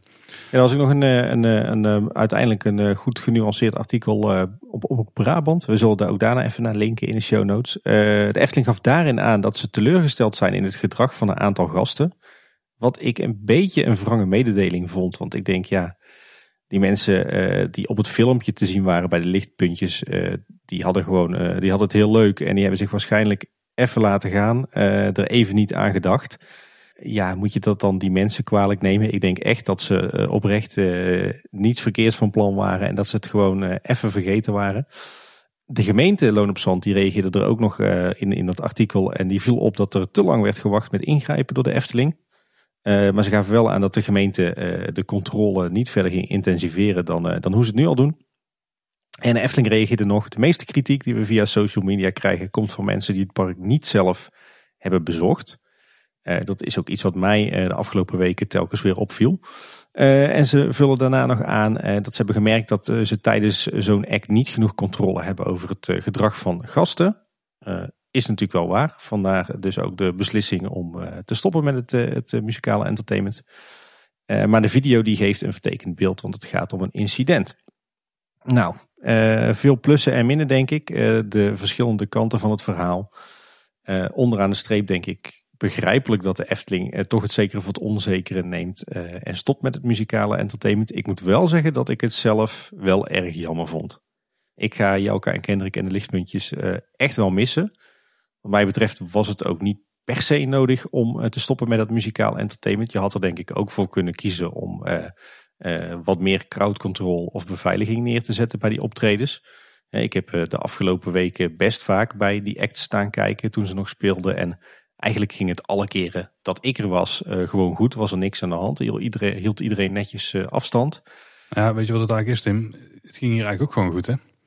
Als je die video gewoon goed bekijkt dan ging er eigenlijk ook niet zo heel veel fout. Er staan groepjes mensen bij elkaar. Maar de, mensen, de groepjes zelf die stonden wel ver uit elkaar.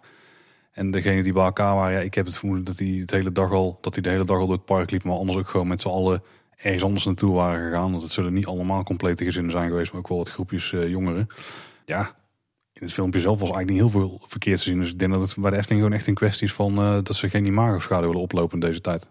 Dat het niet ging om hetgeen dat feitelijk is gebeurd, maar vooral om de beeldvorming. Dat denk ik wel, ja. Ja, ja en dat dit, uh, deze actie eigenlijk vooral damage control was en een statement maken van kijk, we pakken gelijk door. Dat denk ik, ja.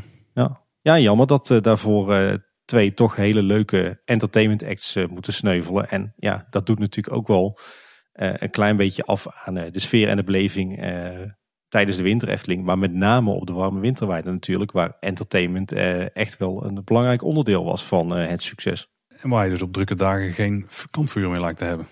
Ja, maar daar, eh, daar gaan we het zo nog even over hebben. Niet veel later stond trouwens ook nog een, een artikel met een behoorlijk pittige kop op BNR. namelijk dat de drukte in de Efteling een mogelijke coronabrandhaard zou zijn.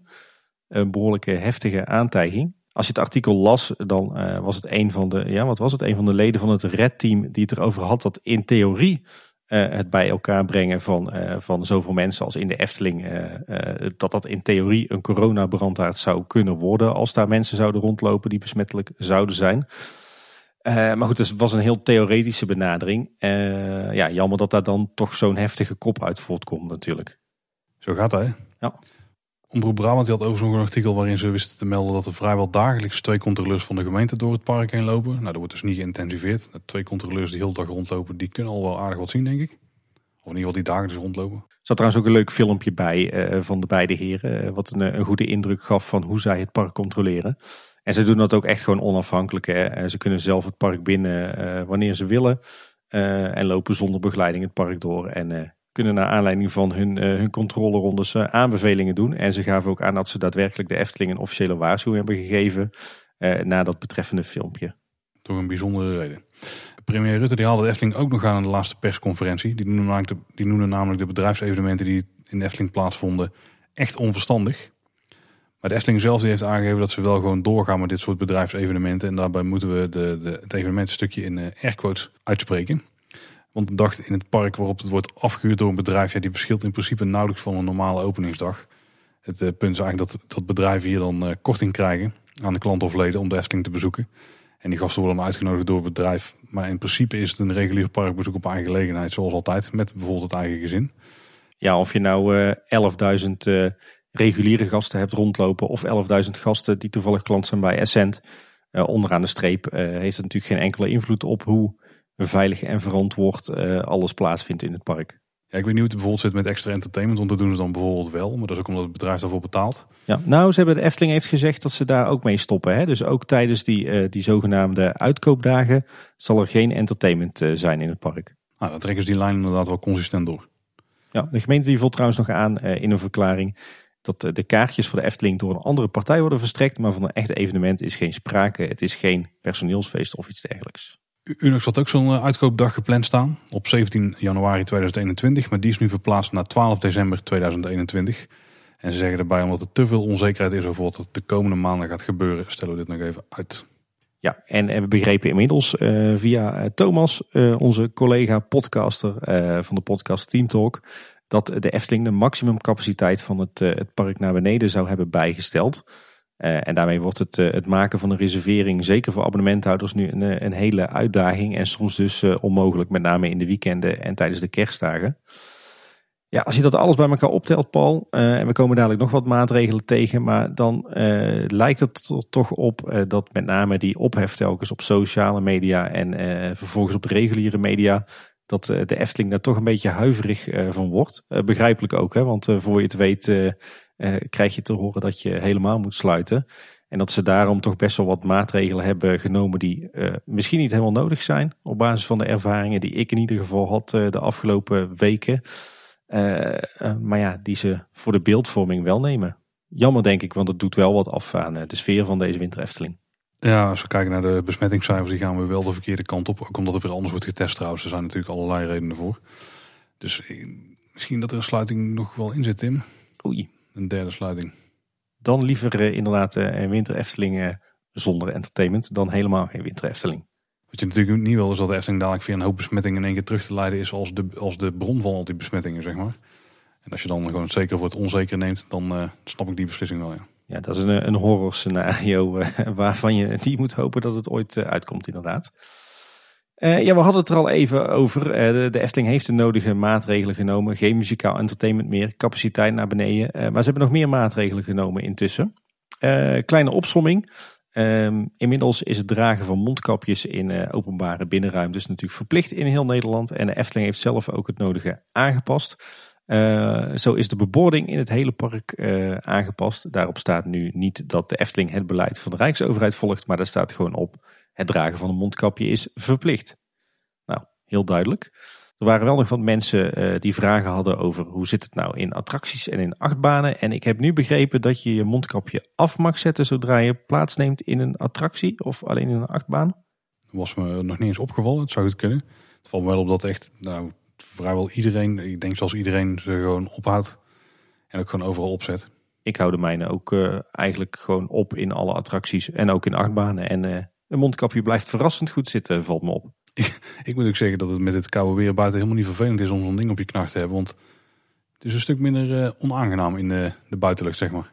Absoluut, dat zei ik vandaag inderdaad ook nog tegen Anne, ja. we kennen inmiddels wel de, de bekende blauwe stickers en blauwe borden uh, met de coronamaatregelen erop uitgelegd. Er zit ook nu een nieuwe veilig samen uitsticker op in Efteling-stijl. Dus een rode sticker met de Efteling E uh, aan het einde. En die hebben ze eigenlijk op heel veel plekken erop geplakt. Ik weet niet precies waarom. Toch een klein stukje extra Efteling-uitstraling op die borden. Ja, misschien ook om te benadrukken dat, het, dat die maatregelen verband houden met, met die veilig samen uit plannen hè, van de Club van Elf. Het, het, logo deed me wel heel erg denken aan het logo van Ola. Dus iedere keer als ik nou zo'n bord zie, dan heb ik zin in een raketje. Ja. dus uh, subliminal messaging, Tim. Ja. Um, als we het toch over stickers hebben. Wat ik best verrassend vond, is dat uh, er op heel veel uh, kuchschotten, zoals de Efteling ze zelf zo mooi heet, in, in wachtrijen, dat daar kleine stickertjes op zijn geplakt van de spiegel van de stiefmoeder van Sneeuwwitje. Met erop allerlei ja, licht humoristische teksten. even kijken, wat hebben we allemaal gezien? spiegeltje, spiegeltje aan de wand, houd jij ook anderhalve meter afstand. Spiegeltje, spiegeltje aan de wand, samen lief en tolerant. En spiegeltje, spiegeltje aan de wand, wees de liefste van het land. En volgens mij hangt er bij uh, de Vliegende Hollander uh, een andere. En die gaat storm of geen storm, geef elkaar de ruimte. Dan is de creativiteit een beetje op. ja, inderdaad. Uh, en er zijn ook meerdere varianten in het Engels. Dus zo wil ze op ludieke wijze de mensen ook in meanderingen nog meer wijzen op het, het houden van die afstand. Alhoewel denk ik een, eh, een sticker waarin nogmaals de rode en de witte streep zou worden uitgelegd eh, ook geen overbodige luxe zou zijn. Verder hebben we natuurlijk de, uh, al langere tijd de vaste omroep van DJ Arnoud van Efteling Kids Radio op de parkeerpromenade en onder de kap van het Huis van de Vijf Zintuigen. Ook die is nu aangepast. er zijn wat zaken aan toegevoegd. zo roept Arnoud nou onder meer om dat het dragen van een mondkapje verplicht is en dat je zo kort mogelijk onder de kap moet blijven. Wat ik dan wel weer leuk vind, want dat is een stukje jargon wat zo in een uh, algemene omroep sluipt. Ja, maar ik snap hem wel. Ik denk dat de meeste mensen dat toch wel snappen. En bij de warme winterwaarden zijn dus ook een aantal wijzigingen geweest buiten wat we net hebben besproken. Dus podiumsweg bijvoorbeeld. Maar we hebben er ook een tijdje bij de ingang, want je hebt dus een in- en uitgang als het wat drukker is. Daar hadden ze een professorische meandering gemaakt, maar inmiddels staat er een wat nettere met andere hekken. En ook bij de horecablokken zijn nu wachtrijen gemaakt met van die uh, ja, geschilderde houten boomstammetjes. Daar zijn hekken van gemaakt. En de hoofdroute die is ook op sommige plekken verlegd om plaats te maken voor die wachtrijen van de horeca. Want daar heb je natuurlijk wel ruimte voor nodig. De wachtrij van het fotopunt die is verlengd. En er zijn ook duidelijke borden die de looproutes en de wachtrijen van de blokhutten van elkaar scheiden. En als laatste zijn er ook geen banken meer rondom de vreugdevuren. Ik denk dat ze gewoon echt willen voorkomen dat mensen daar zich eh, gaan clusteren. Dus die zijn, uh, die zijn weg. En uh, in de weekenden staan de vreugdevuren dus uit. En ik denk ook op drukke dagen, om dezelfde reden. Ja, want dat is eigenlijk iets dat is doorgevoerd in de hele winter Efteling. Hè? Uh, zo zijn rond alle vreugdevuren in het hele park alle bankjes verwijderd. het vreugdevoer op het Tom van de Ventplein bij Droomvlucht en Villa Volta is zelfs helemaal weg. En er is nu inderdaad afgesproken dat de vreugdevuren op drukkere dagen uitblijven. Ja, al met al aanvullend op wat we eerder al bespraken, behoorlijk wat wat aanpassingen. Um, ja, uh, enerzijds begrijpelijk, anderzijds zet ik wel mijn vraagtekens bij de noodzaak. Want ik denk dat het in het begin van de winter Efteling allemaal best prima ging. Uh, maar goed, ik, ik snap het wel. Uh, ik vind het heel erg jammer. Want het doet wel wat afbreuk aan de beleving van de winter Efteling. Hè? Want juist dat muzikale entertainment, juist die kampvuren. ja, dat was nu juist net de charme van de winter Efteling. En een winter Efteling bezoekje wordt zeker niet wat kouder, wordt ook wel wat Spartaans. Hè? Want voorheen ging je eens uh, ergens bij een restaurant binnen zitten. Of uh, je ging staan dansen bij, uh, bij de lichtpuntjes. Of je ging eens bij een kampvuur opwarmen met een warme chocomel. En dat is nu toch allemaal knap lastig. Ja, dat is ook wel wat een beetje hoor bij deze tijd. Hè? Je kunt ook niet naar het café en daar lekker gaan dansen of zo. Dus ik denk dat dat natuurlijk ook een beetje is wat vriend bij heel veel mensen. Ja, nee, ja, de, Snap ik ook. Uh, alleen ja, de, de beleving van de winter Efteling is wel heel erg anders nu natuurlijk. Zeker, maar neem niet weg dat je nog steeds een prima dag Efteling kunt houden. Ja, ja want wat mij wel opvalt, en dat is een grappig bijeffect. Uh, ik weet niet of je dat herkent, Paul. Uh, maar uh, de laatste paar edities van de winter Efteling, die, dan hingen de meeste dagen bij ons aan elkaar van Jelka en Kendrick, de lichtpuntjes, het Efteling kinderkoor, daar even op het terras zitten, in het Witte Paard uitgebreid lunchen, uh, nog even een snackje pakken in station De Oost. En dan deed je op een dag in de winter Efteling. Nou, één, twee, hooguit drie attracties. en nu is het echt de omgekeerde wereld. Nu, nu, ja, nu is het entertainment er niet. Je kan niet bij de restaurants binnen. Uh, en het eten, dat, dat prop je maar zo snel mogelijk naar binnen. Dus wij doen niks anders dan attracties, attracties, attracties. Ik denk dat het lang geleden is dat wij zoveel attracties hebben gedaan in de winter Efteling. Is eh, voor mij nog steeds een standaard eh, dagje winter Efteling. Buiten dan dat we normaal gesproken iets meer tijd namen voor het eten. Maar ik ben niet zo'n entertainment fan. Dus dat scheelt wel. Ik vind het, uh, ik vind het ergens alweer een positief bijeffect. Het is in ieder geval verfrissend om zoveel attracties te doen. Tot, tot, slot trouwens nog een paar laatste wijzigingen. Het viel mij op dat er uh, rond de stoomcarousel nog wat extra kuchschermen zijn geplaatst. Die de medewerkers die daar in de binnencirkel staan eventueel afschermen van de mensen die zich zouden ophouden op de salons. En ik zag een heel mooi gethematiseerd, eh, bijna pieks uh, bord bij de Olijke Tweeling. Waarop ze vrije zitgelegenheid uh, aan hebben gegeven. In plaats van die, uh, ja, die standaard blauwe corona bordjes. Dus het zag er heel vrij uit. Ja, mooi. We horen nou de, de eerste stem opgaan over vaccineren. Misschien beginnen ze met de risicogroep of de mensen in de zorg in januari. En dan zouden er naarmate het jaar vervordert steeds meer vaccins beschikbaar komen voor de rest van de burgers van ons land. Het is toch een lichtpuntje, Tim? Ja, ja het, ik schrok er eerst van, want eerder deze week ging het erover dat gezonde mensen pas uh, na augustus 2021 aan de beurt zouden komen. Vandaag zag ik in de krant dat we misschien toch eerder mogen. Ja, ik kijk hier enorm naar uit. Ik kan niet wachten om, om gevaccineerd te worden. al, al zou ik bij wijze van spreken 1000 euro de man moeten betalen om eerder aan de beurt te komen, dan zou ik het nog doen. nou is dat natuurlijk ook niet heel erg ethisch. niet te hard, want iemand houdt je eraan dadelijk. Nee, uh, echt spuit mij maar vol uh, met het vaccin. Want ik kan niet wachten om uh, weer terug te gaan naar het, het oude normaal. Bij mij mogen ze er ook in een meneer zetten. Of twee hè? Ja, het ligt aan welk vaccin je dan krijgt. Sommige moet je inderdaad twee keer ingeënt worden en andere maar één keer. Ja, ja wordt heel interessant denk ik wanneer we ingeënt worden. En wat het dan ook betekent voor de exploitatie van de Efteling. Hè? Want gaat de Efteling afdwingen dat je gevaccineerd moet zijn? Eh, Efteling kennende gaan ze daar wat terughoudender in zijn. Maar als dat zo is, wat betekent dat dan voor de maatregelen? En wat betekent dat voor bezoekers uit het buitenland? En, en hoe ga je aantonen dat je gevaccineerd bent? Eh, en welke maatregelen gaan als eerste verdwijnen? Ik denk dat we het daar allemaal nog niet over hoeven te hebben, Tim. Want het is nog zo ver weg. Nee, inderdaad. Laten we maar... maar eens even de bouw van een uh, bakkerij gaan volgen bijvoorbeeld. Of van een speeltuin. Absoluut. Maar 2021 wordt ook qua corona weer een, een interessant jaar, denk ik. Ja, dat sowieso. Of we gaan het uitroeien. En de andere optie wil ik niet aan denken.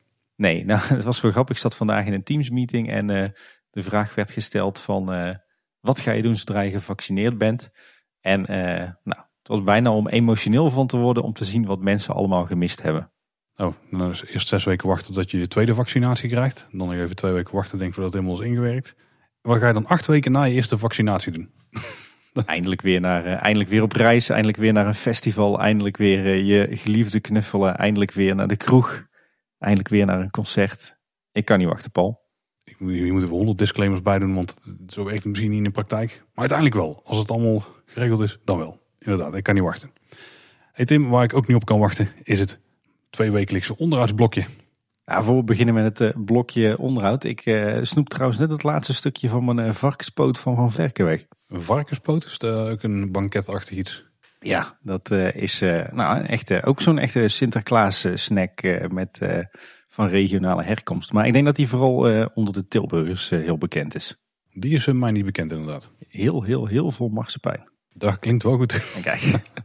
Hey, nou door naar onderhoud. Ook heel leuk altijd. Um, we hadden de, de, vorige aflevering hebben we het uitgebreid gehad over de vervanging van de grote zweefmolen. Uh, en tot grote vreugde blijkt dat ook de kleine zweefmolen nu onderhoud krijgt. die wordt niet volledig vervangen. Dat dachten we eerst, of dat hoopten we misschien wel. hebben we even nagevraagd, maar volgens een woordvoerder van de Efteling gaat het alleen om normaal onderhoud. En vinden er geen noemenswaardige wijzigingen plaats. Want wat ik er tot nu toe van heb gezien is dat ze een aantal houten panelen van de molen verwijderd hebben. waarschijnlijk worden die opgeknapt en opnieuw geschilderd en gedecoreerd. Uh, geen overbodige luxe, want de molen die had her en der wel behoorlijk wat, wat houtrot en ook afbladderende verf. en ik denk inderdaad dat een, een flinke schilderbeurt al ja, tot heel wat verbetering leidt. En bij het Efteling Theater hadden ze in één keer het, het, plein voor een groot deel afgezet en daar was groot materiaal uitgerukt. Het was niet helemaal duidelijk wat er in het begin allemaal aan het gebeuren was, maar je had wel een idee hè? Ja, ja, het deed me een beetje denken aan van die. Uh, het leek wel zo'n Discovery eh, Channel documentaire, weet je wel. Uh, zo'n oil drilling uh, gevaarte, zoals je die in Amerika ziet. maar het is net wat anders. ik zag dat het de firma Verhoeven was uit Drunen. en wat die eigenlijk 9 van de 10 keer doen, is dat zij bronnen boren voor een warmte-koude opslaginstallatie. En het, het Efteling Theater heeft zo'n WKO-installatie. Daarom is het daar in de zomer altijd zo heerlijk. Cool. en het kan zijn dat de bron die ze gebruikten, dat die uitgeput was. En dan moet er een nieuwe bron worden aangeboord. en daar laten ze dan zo'n enorme boorinstallatie voor aanrukken. Dus het is waarschijnlijk gewoon heel saai onderhoud. Wij, ik zag trouwens vandaag dat, dat de firma Kuipers ook weer druk bezig is bij Aquanura. Aquanura is gewoon in bedrijf nu, maar ze zijn overdag bezig met het uitwisselen van wat spruitkoppen en het ander klein onderhoud aan, aan de installatie. In Fata Morgana gebeurt trouwens ook weer het nodige. Veel goede dingen en ook minder goede dingen. Zo is er behoorlijk wat onderhoud geweest aan heel wat, wat belangrijke animatronics in de attractie. Zo is het, het hondje in de bedelaarssectie is even weg geweest en weer terug. De tapijtverkoper op de markt die is ook weg geweest en die is weer terug. Die bewegen allemaal perfect. Wat me wel opviel op de markt is, je hebt daar zo'n zo'n man die voorbij zweeft hè, op de achtergrond met een zak op zijn rug.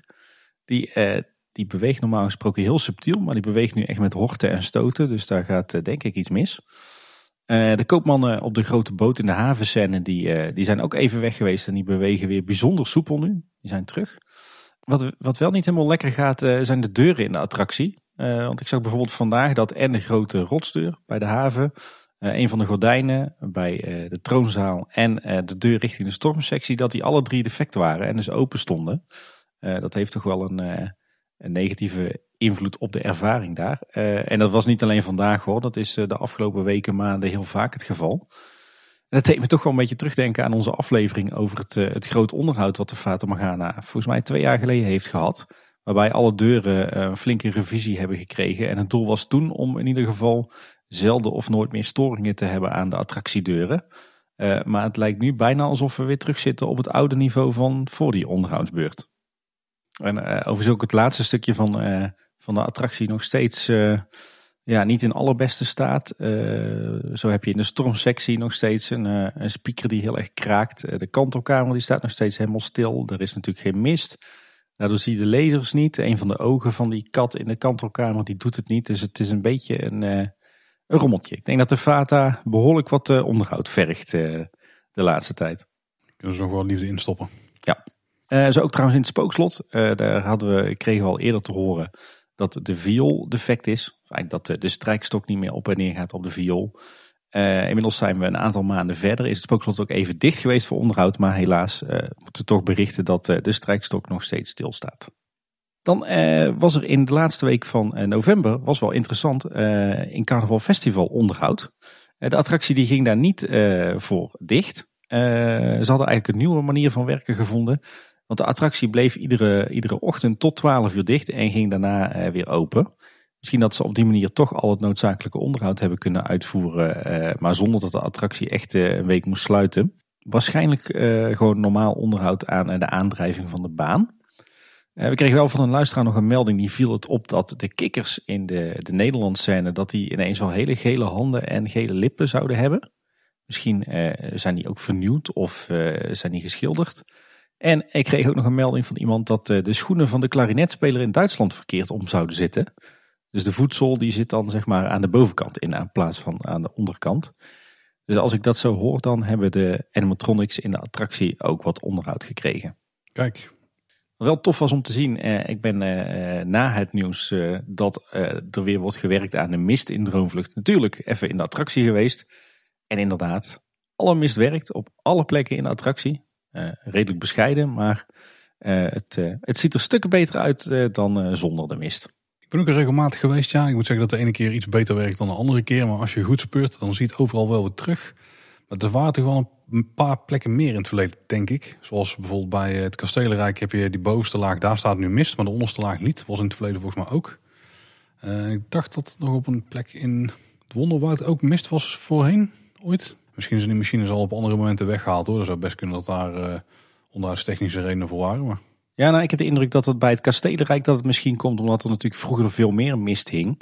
En misschien dat die gewoon naar beneden zakte. Ah ja, zou, ja, zou zeker kunnen, ja. Nou, nou laten, we, laten we hopen dat eh, de hoeveelheid mist eh, ook nog wordt opgeschroefd de komende weken en maanden. En dat we uiteindelijk ook bijvoorbeeld weer de mist gaan terugzien in de Fata Morgana. Ik kijk ook daarna uit. En de projectie, die moet ook terugkomen absoluut. Uh, we zijn nog steeds in Marenrijk. Wat mij opviel in de uh, stoomcarousel is uh, dat uh, de carousel momenteel echt kreunt en steunt als hij draait. het lijkt haast wel of de loopwielen waar, waar de molen op draait, alsof het die niet rijdt over het spoor, maar alsof dat die er overheen wringt. Dat, die maakt echt ongelooflijk veel herrie. Dus ik denk dat daar de lagers van de wielen even naar gekeken moeten worden. Die, nee, dat klinkt echt niet goed en het voelt ook niet goed. Dus die heeft nodig onderhoud nodig.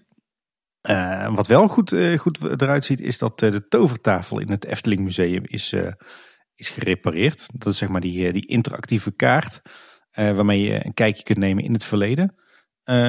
viel een luisteraar van ons wel op dat de resolutie heel laag is, waardoor dat de kaart een stuk slechter te lezen is dan voorheen. Is misschien van een 4K-scherm naar een Full HD-scherm gegaan. Ik geloof het meteen, Paul. Daar, daar heb ik weinig verstand van. Wat mij verder nog opviel is dat er enorm veel aandacht voor onderhoud is in het Sprookjesbos op dit moment. We hadden het er natuurlijk eerder al over dat uh, Kleine Boodschap en de Herauten zijn weggehaald voor uh, schilderonderhoud. Maar er is nog veel meer gebeurd. Zo viel ons op eh, dat de rozen voor het kasteel van Doornroosje en de hedra op het kasteel van Doornroosje stevig teruggesnoeid zijn. Dat er heel wat houten wegwijzers en andere houten bordjes in het Sprookjesbos zijn weggehaald.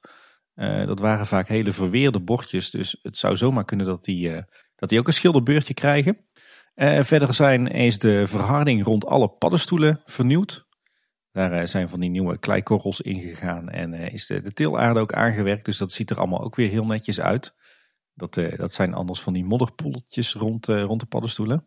her en der is ook de afwatering van wat paden verbeterd door gultjes te graven naast het pad. En ik had de indruk dat er een extra rotsblok weg is bij de Zeemermin. Onder, uh, onder haar hand. Uh, die nu zeg maar in het luchtledige rust in plaats van op een steen.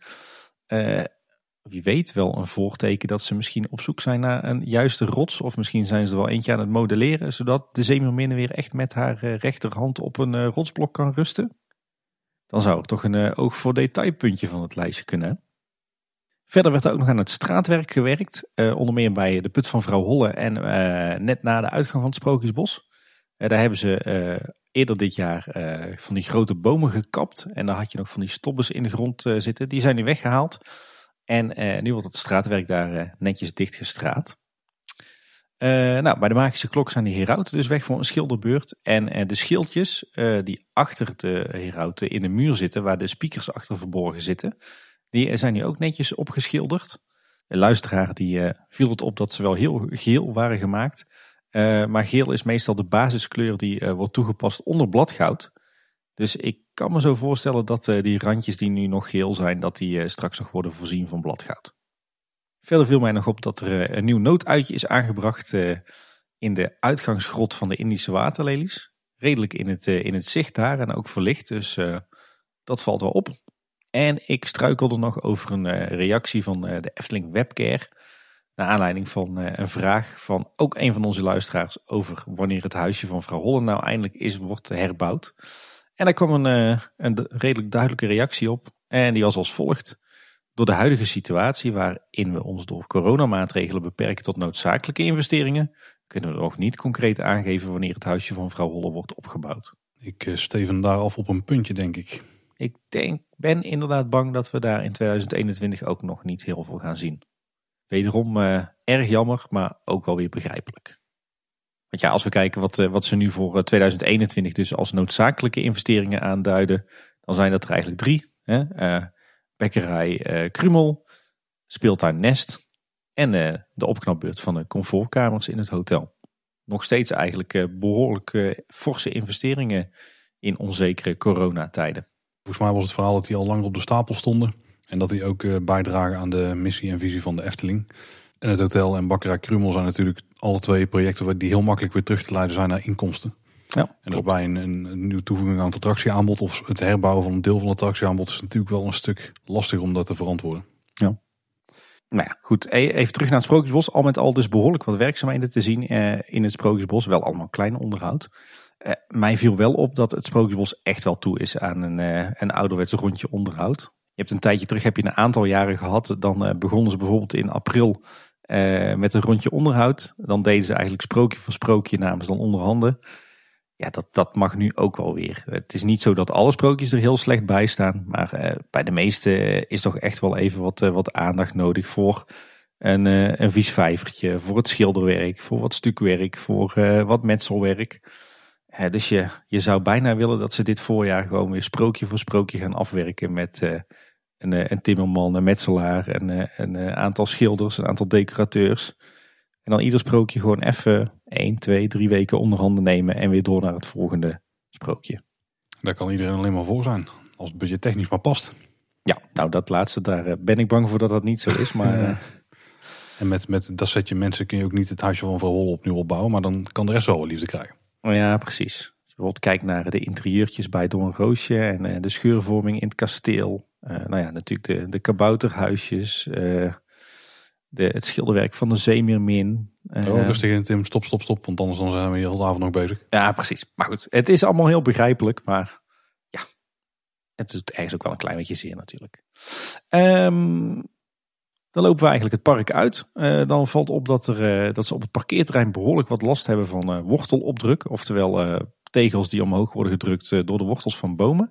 En inmiddels is het zelfs al zover dat ze behoorlijk wat parkeervakken permanent hebben afgezet. omdat het tegelwerk daar flink omhoog komt. En bij de kassen van de Efteling zijn de mannen van de tuindienst alweer druk bezig met het, het aanplanten van alle schalen en potten en bakken met de bollen. Die we natuurlijk komend voorjaar eh, gaan zien in het park. Dus dat eh, is altijd mooi om daar ook die werkzaamheden te zien. Verder vindt er trouwens ook in Bosrijk een flinke onderhoudsbeurt plaats. Uh, want daar wordt heel veel meubilair en heel veel matrassen vervangen op dit moment. er vinden schilderwerkzaamheden plaats in de huisjes en er wordt ook gewerkt aan de elektra van de huisjes. Dus waarschijnlijk dat ze het laagseizoen daar nu ook weer gebruiken om ja, onderhoud uit te voeren in en aan de huisjes waar ze in het eh, normale seizoen nooit eh, aan toekomen. En tot slot kregen we ook nog een, eh, een update over al het onderhoud aan het Efteling Golfpark. Die kwam niet van de Efteling zelf, maar van de Hollandse Golfbaan-exploitatiemaatschappij. Zo heet die geloof ik, die club. Die gaat natuurlijk per 1 januari het golfpark van de Efteling overnemen. Uh, en zij plaatsen een update op LinkedIn. Een luisteraar wees ons daarop. Uh, en daarin was te zien dat er hard wordt gewerkt, uh, zodat het golfpark De Loonse Duinen over een paar weken open kan. Met een gezellige brasserie. Wij eh, vroegen ons dat van tevoren af, maar er komt dus ook weer horeca bij. En op de foto's is te zien dat er rond het clubhuis volop gewerkt wordt aan het waterdicht maken van de gevels. zoals wij al dachten zijn alle aarde wallen van het gebouw weggehaald. Uh, en zijn ze de, de gevel aan het impregneren en waterdicht maken. En straks wordt die grond er weer tegenaan geschoven. En verder wordt het clubhuis aan de binnenzijde uh, lekker opgefrist. Er wordt daar geschilderd. En uh, het, het restaurant wordt opnieuw ingericht. Dus die nieuwe club, de HGE, die is nou, flink aan het investeren daar. Alhoewel ik vermoed dat die werkzaamheden aan de gevels van het clubhuis gewoon nog door de Efteling worden uitgevoerd. En dan zijn we beland bij het kort nieuws. Valt me trouwens op Tim dat uh, het Sinterklaasjournaal ook altijd een blokje kort nieuws heeft. Hè? Hebben zij dat van ons geleend of hebben wij dat van hun geleend? Ik had uh, voor, uh, voor de start van Kleine Boodschap nog nooit naar het Sinterklaasjournaal gekeken. Dus daar kan het niet vandaan komen. Ik ook niet, dus daar kan het inderdaad ook niet vandaan komen. Dan hebben ze het vast van ons. Sinterklaastijd die is voorbij, maar we gaan richting de kerst. En de vorige keer had jij al een hele subtiele hint naar wie misschien wel eens een jurylid zou kunnen zijn bij het kerstprogramma van RTL 4 dit jaar. Merry Little Christmas, waarbij 16 kandidaten gaan proberen om het mooiste kerstdorp van Nederland te bouwen. Die uitzendingen die gaan plaatsvinden op woensdag 16 en woensdag 23 december. En die beginnen om half negen op RTL 4 dus. En Sander de Bruin gaat er dus de woording doen van eh, de kerstdorpen. Ja, heel tof dat hij zo'n, uh, nou ja, toch wel hele prominente rol gaat krijgen in uh, een programma wat op primetime bij RTL, RTL 4 wordt uitgezonden. Ik bedoel, dat kan niet iedereen zeggen, hè? Volgens mij zit een beetje de Lego Masters van de kersttijd. Al komt er ook een Lego Masters kerstspecial, heb ik begrepen. Oké, ja, ik moest er inderdaad ook aan denken. Wel een beetje jammer dat beide uitzendingen zijn op het moment dat wij uh, een opname van Kleine Boodschap uh, gepland hebben staan. Dus dan uh, kunnen we Sander niet zien stralen. Maar goed, dan moeten we maar een manier vinden om het terug te kijken. Wacht even, gaan we niet op donderdag 24 december opnemen? Op kerstavond. Dat is toch hartstikke gezellig, samen? Ja. Erbij? Alles voor de podcast, hè? Het klinkt eigenlijk wel, wel aanlokkelijk, ja. Ik uh, moet het misschien uh, thuis uh, bij de vrouw in de week leggen. Het Winter Efteling Entertainment Duits geschrapt, maar toch gaat er nog gezongen worden in de Efteling. Want Eugene geeft namelijk drie kerstconcerten vanuit de Winter Efteling. En die concerten die zijn alleen te bekijken via een betaalde livestream. Want dit gaat natuurlijk gewoon online plaatsvinden. Kaarten daarvoor die zijn 12,50 per concert of 27,50 voor alle drie. En die vinden plaats op vrijdag 18, zaterdag 19 en zondag 20 december. Die starten om kwart over acht en die duren ieder 70 minuten. En ze zenden daarbij telkens vanuit een andere locatie in Efteling uit. En dit is dan ter vervanging van een kerstconcert in Maastricht. Ik denk dat ze de Efteling gewoon een heel geschikte achtergrond vonden voor hun concerten. Dat, dat, dat weet ik wel zeker. Ga, jij trouwens kijken naar OG? nee. Jawel? Nee. ik ook niet. ik denk dat ik ook niet echt de doelgroep ben. Wat ik overigens wel heel tof vind, en dat is iets dat zien we ineens de, laatste weken of misschien laatste maanden hooguit, is dat, dat de Efteling toch weer lijkt te breken met een traditie. Uh, want het viel op dat, uh, dat met name Fons de laatste jaren toch heel erg zat. Hè? We, we, moeten focussen op het, op het park. Alle energie en aandacht en geld moet in het park worden gestoken. En alle nevenactiviteiten moeten, moeten terug worden geschroefd. Nou ja, wij hebben toevallig in onze vorige aflevering over de financiën van de Efteling zo'n beetje alle drie gezegd dat we dat uh, ja, toch een beetje raar vinden. Dat je juist eigenlijk als Efteling ervoor moet zorgen dat je, dat je altijd wel op een manier uh, in beeld bent. Uh, en het lijkt erop dat ze dat nu weer gaan doen. Hè? Uh, kijk naar de Merry Little Christmas. kijk nu naar Eugene. Maar ook die licensing van souvenirs via de Kruidvat. Uh, en behoorlijk wat tv-programma's die, uh, die in de Efteling uh, plaatsvinden de laatste tijd. natuurlijk de film De Expeditie van de Familie Vos. de Efteling is echt weer volgens mij aan het investeren op aandacht buiten Kaatsheuvel. Ja, er is wel heel veel aandacht die ze niet zelf maken. Dat is denk ik vooral het belangrijke punt hier. En de Efteling, het park, wat dan dus de focus moet hebben, dat is ook vaak de achtergrond van die activiteiten. Ja. Dus ik denk dat ze wat dat betreft nog wel op die lijn zitten hoor. Ja, maar wel een hele positieve ontwikkeling. Want ja, op deze manier hou je de Efteling natuurlijk uh, bij de mensen tussen de oren. Ondanks het feit dat ze er misschien niet zijn of niet kunnen zijn. En dat is zeker een goede ontwikkeling. En als we het dan toch over goede ontwikkeling hebben, Tim. Er is een digifotopas optie toegevoegd aan de Efteling app. En wat betekent dat nou? Nou, je kunt een fotopas of een digifotopas kopen in het park. Die kun je kopen bij alle fotobalies. Dan krijg je een uh, papieren ticket. En uh, die kun je dan bij alle balies laten scannen. En dan kun je dan later op internet jouw foto's mee downloaden dat papiertje kun je nu dus scannen in de app. En dan uh, kun je daarmee langs alle fotobasis en dan kun je gewoon de app laten scannen. En dan krijg je die foto's ook meteen in jouw Efteling app terecht. Want die koppel je ook aan je Efteling account. En wat ook wel tof is, is als je met een gezelschap bent, dan, kan, uh, kunnen andere mensen uit jouw gezelschap, die kunnen ook diezelfde code scannen. En daar dus op andere plekken foto's mee ophalen. Dus stel jij gaat de vliegende onderin, maar de rest van jouw gezin niet. Dan kun je wel zelf met die code langs de fotobalie. En dan kun je die gewoon laten scannen terwijl de rest misschien ik wou zeggen bij de oude Tuffer zit, maar er zit helemaal geen actiefoto. maar die zijn dan de Carnaval Festival gelopen en die kunnen daar dan ook uh, die pas laten scannen via de telefoon. Dus in principe is het de vervanging van het papieren kaartje, maar daarbij zie je dus wel de foto's in de app. En die kun je ook vanuit daar delen en downloaden. Dus dat is een, een hele nuttige toevoeging, denk ik. En ik kan me ook wel voorstellen dat ze dit in de toekomst verder gaan uitbreiden. Want ik stel me meteen voor dat je bijvoorbeeld dan al een fotopas online kunt kopen en koppelen aan je Efteling account. Ja, inderdaad. En dan zou je dus, eh, als je het park inkomt, gewoon meteen vanaf het begin af aan uh, die pas laten scannen. Want het werkt dus niet alleen bij de fotobalies, maar we hebben het inmiddels ook een, betaald fotopunt. En die, hebben, die heb je soms op meerdere plekken in het park. Maar nu zit hij op de warme winterweide. Daar zou die ook gewoon werken. Dus stel er komt een fotopunt bij het begin van het park betaald. Nou, dan zou je daar ook meteen kunnen inzetten. Een beetje zoals Disney dat ook doet op uh, parken. Ja, dan ga je echt inderdaad eh, meer richting die, die fotopass, hè, zoals we die in eh, Walt Disney World kennen.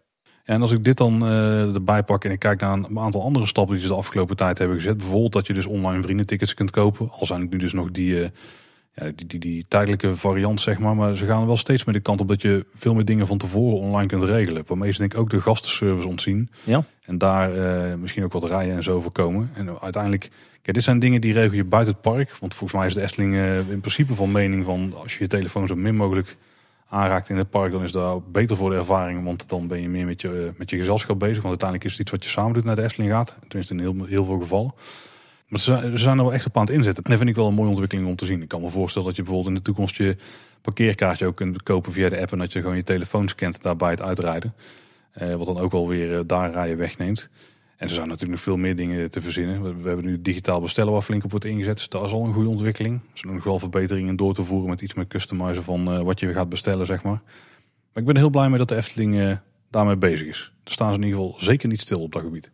Ja, en zeker uh, qua fotopas. Het zou natuurlijk heel tof zijn als je straks je gepersonaliseerde abonnementhouderspagina hebt hè, op de website en in de app. Daar, daar horen we ook al wel wat geruchten over. Mm -hmm. En als je daar naast je abonnementen aanpassen als je daar misschien ook wel bijvoorbeeld een, een fotopas abonnement kunt nemen. Dat je voor, uh, zeg eens gauw, uh, een, een, tientje per maand extra of zo. Dat je gewoon onbeperkt daar uh, je actiefoto's in kunt laden. En ik weet niet precies hoe die digifoto pas nu werkt. Maar ik weet dat, dat normaal gesproken als je een foto koopt, dan kun je volgens mij voor de digitale optie gaan. En dan krijg je een bonnetje waarmee je gewoon die foto tevoorschijn kunt toveren online. En dan moet je het foto voor foto doen. En nu kan je dus dadelijk in principe een verzameling krijgen van al jouw Efteling foto's van een bepaalde tijd. Misschien zelfs wel van een jaar, ik weet niet hoe ver ze teruggaan. Dat is natuurlijk ook heel tof hè. En die digifoto pas in de app die werkt vanaf de dag dat de aflevering uitkomt. Uh, want deze maandag uh, is dat uh, in gebruik genomen. Ja, zo kunnen wij in de toekomst kijken blijkt wel. Blijkt trouwens ook uit de scores voor de glazen bol aflevering. Zo, inderdaad, dat gaat niet verkeerd. Nee. Hey, jij had het al even over online bestellen, Paul. Uh, mij viel nog op laatst dat uh, bij de uitgang van de Python, uh, langs die hellingbaan naar beneden, dat daar nu ook een bord hangt, mooi gethematiseerd. Dat bezoekers stimuleert om alvast online te bestellen voor of de hongerige machinist of de likkerbaard. Dus ook op dat punt doen ze aan steeds meer promotie. En mocht je nu naar de nieuwe familiefilm willen waar de Efteling toneel voor is, dan kun je naar de expositie van familie Vos gaan. Daar zijn inmiddels tickets voor beschikbaar. Die draait ook al in de bioscoop. En afgelopen vrijdag 11 december was er een speciale voorpremière van die film in de Fabula zaal. En bij de Efteling op social media was een winactie en daarbij kon je met je gezelschap eh, de rest van de dag in eerst en dan eh, naar die film gaan kijken. Er werden vier keer vier tickets verloot. En ik weet dat daar een aantal van onze luisteraars heen zijn. Onder andere Jelmer die in onze bierspecial eh, langskwam. Die heeft daar volgens mij tickets voor gewonnen. Maar ook een collega van mij die mag naar die première. Ah, cool. Ja, ik heb zelf al zitten kijken naar, naar tickets om er met Anne naartoe te gaan een avondje. Maar dat wordt lastig, want tot op heden zijn er alleen maar tickets voor overdag verkrijgbaar. Nou, ook door de week. Voor een familiefilm. Ja. ja, heel bijzonder. Nou ja, dan gaan we wel naar De Slag om de Schelde. Vast ook een leuke film. ja, en dan weer calamiteitennieuws. Ook dat hoor je natuurlijk bij Kleine Boodschap. want op 3 december is er een bezoeker ten val gekomen op de draaischijf van de Fata Morgana. Het ging om een vrouw die normaal gesproken in een scootmobiel zit. normaal gezien mogen die met de scootmobiel tot aan de boot rijden en dan worden ze vanuit daar in de boot getild. maar vanwege coronamaatregelen kan dat nu niet en moeten mensen die de attractie in willen zelf lopen. Nou, zij is gestruikeld op de draaischijf, heeft uiteindelijk een zware kneuzing opgelopen en schade aan de knieband en is ook afgevoerd met de ambulance naar het ziekenhuis. De attractie heeft een tijdje stilgelegen na het, het ongeluk, maar er bleek met de attractie zelf niks mis. en Loopings heeft ook gesproken met de vrouw in kwestie. En ja, die was eigenlijk totaal niet rancuneus of zo. want zij zei dat, ze, dat Efteling-medewerkers ontzettend lief reageerden. En ze zegt alle lof voor hen. Ze hebben super gehandeld. Dus nou, wat dat betreft met een sisser afgelopen, denk ik. Mooie pluim voor het personeel daar. Ja. Er zijn wederom merchandise items bijgekomen. Er is inmiddels een eh, Villa Pardoes sjaal verkrijgbaar. Die kost 15 euro en de helft daarvan die komt ten goede voor Villa Pardoes. Dus dat is een mooie actie in samenwerking met Villa Pardoes. Die kun je in Efteldingen kopen. En op villapardoesrun.nl, dus ook een beetje de vervanger van die run die nu uh, die gaat virtueel door. Ja, klopt. Ja, wat minder nieuws voor de fotoboekjesverzamelaars. 2020 gaat het eerste jaar in bijna 10 jaar tijd zijn dat er geen fotoboekje voor de Efteling uitkomt. er komt dat er minder bezoekers zijn, er worden daardoor minder boekjes verkocht. Ja, blijkbaar is er daarom is het financieel niet aantrekkelijk om een nieuw te ontwerpen of te laten drukken, denk ik. Uh, dus ze gaan eerst de boekjes van 2019 opmaken. Maar daar staan dus bijvoorbeeld nog niet de zes zwanen, Fabula en Moritz in. Nee, jammer. En uh, Loopings is nog te melden dat de sokken met de Anton Pieckmaasjes zijn uitverkocht en niet meer terugkeren. Het is toch wel, hè, met van die items met klassieke Eftelingse elementen erop, die doen het altijd heel goed. En er zijn er altijd veel te weinig van besteld. Ja, precies. Dan is er ook uh, nieuws over het magazine Wonder. Uh, want er komt geen wintereditie uit deze keer. En een Efteling-woordvoerder die vertelt eh, aan Loopings dat er deze winter geen wonder verschijnt heeft te maken met de financiële terughoudendheid die past bij deze tijd. Dus inderdaad, een bezuiniging. Ik denk een eh, prima bezuiniging in deze tijd. Want als je 80.000 abonnementhouders zo'n boekje moet sturen, dan kan ik me voorstellen dat dat best een aardige besparing is. Heel begrijpelijk ook. Ik heb liever dat ze daarop bezuinigen dan uh, op onderhoud en investeringen of laat staan op personeel. Ja, exact. over personeel gesproken, Tim. Zijn er nog nieuwe vacatures? Ja, je zou zeggen van niet, hè? want laatst kondigden ze aan dat ze alle vacatures intern gingen opvullen. Uh, maar er zijn toch weer twee vacatures bijgekomen uh, bij de vacatures die we eerder al melden. Zo zoeken ze nu een uh, show technician voor Ravelijn. Die vacature die staat uit bij Puy En voor de Efteling zelf zoeken ze een teamlead beveiliging. En Efteling zelf heeft een promotie de ingeslingerd voor een voordelige combi-ticket, trein, bus en winter Efteling. En die kost 51 euro voor kinderen en volwassenen vanaf 12 jaar. En kinderen tot met 11 jaar die betalen 34 euro. Best bijzonder, want eerder werd aangeraden om in verband met corona met eigen vervoer naar de Efteling te komen. Uh, dat is nog steeds het advies nu, maar daarom is die wervende tekst die bij de combi stond ook maar een beetje genuanceerd. Ja, nou ja, ze hebben ook dat advies genuanceerd. Hoor. Het advies is nu om, eh, als je met het openbaar vervoer naar de Efteling komt, om dan de drukke tijden en de drukke plekken te vermijden. En dat is eigenlijk ook een beetje de tekst die, eh, die bij de promotie van dat combi-ticket eh, staat nu. Als we het ook over promoties hebben, ook eh, de webwinkel van de AD Regiokranten, die hebben een actie nu in de winkel staan. Je kunt er voor 22,50 eh, tickets kopen voor de Winter Efteling en dan mag je vanaf 2 uur het park in. En die zijn geldig tot en met de 31 januari 2021. Dat is een beetje wat ze in het verleden ook wel deden. Was het ook niet een van de dingen die wij hebben aangehaald bij onze financiële voorspellingen of financiële armchair financing? Zeker. Ze luisteren, Tim. Zelfs het AD luistert. Laten we vooral in die waan blijven, ja. Eh over iets bijzonders. Daar kwam een van onze luisteraars mee. Eh, die was eh, het Efteling Hotel aan het boeken op de website. En die zag ineens onder in beeld een rijtje staan met partnerhotels. Waaronder het Mercure Hotel in Tilburg en het Van der Valk Hotel in Gilze. Dat zijn ook bijzondere keuzes trouwens. Ja, inderdaad. Ik had hier wel andere partnerhotels dichter bij huis verwacht. Maar sowieso bijzonder dat de Efteling ineens weer partnerhotels aangeeft op de website. Zeker in deze tijd. Misschien is hier nog een financiële deal onder. Ja, misschien is het eh, een vergeten stukje website of zo. Ik heb geen idee. Ja. Je, je zou hier inderdaad verwachten het, eh, het NH Hotel in, eh, in Waalwijk en het Guesthouse Hotel in Kaatsheuvel. Dat soort clubs. Dat waren wat mij betreft meer voor de hand liggende kandidaten. Maar misschien liggen die weer te dichtbij. Hmm. Misschien willen ze vooral hotels promoten die in de metropolen Tilburg en dan met name Gilze liggen. Ja. Als je dan toch in, in de buurt wil verblijven vanwege de stad of het dorp. Was Gilze? Is Gilze een dorp? Gils is een dorp, ja.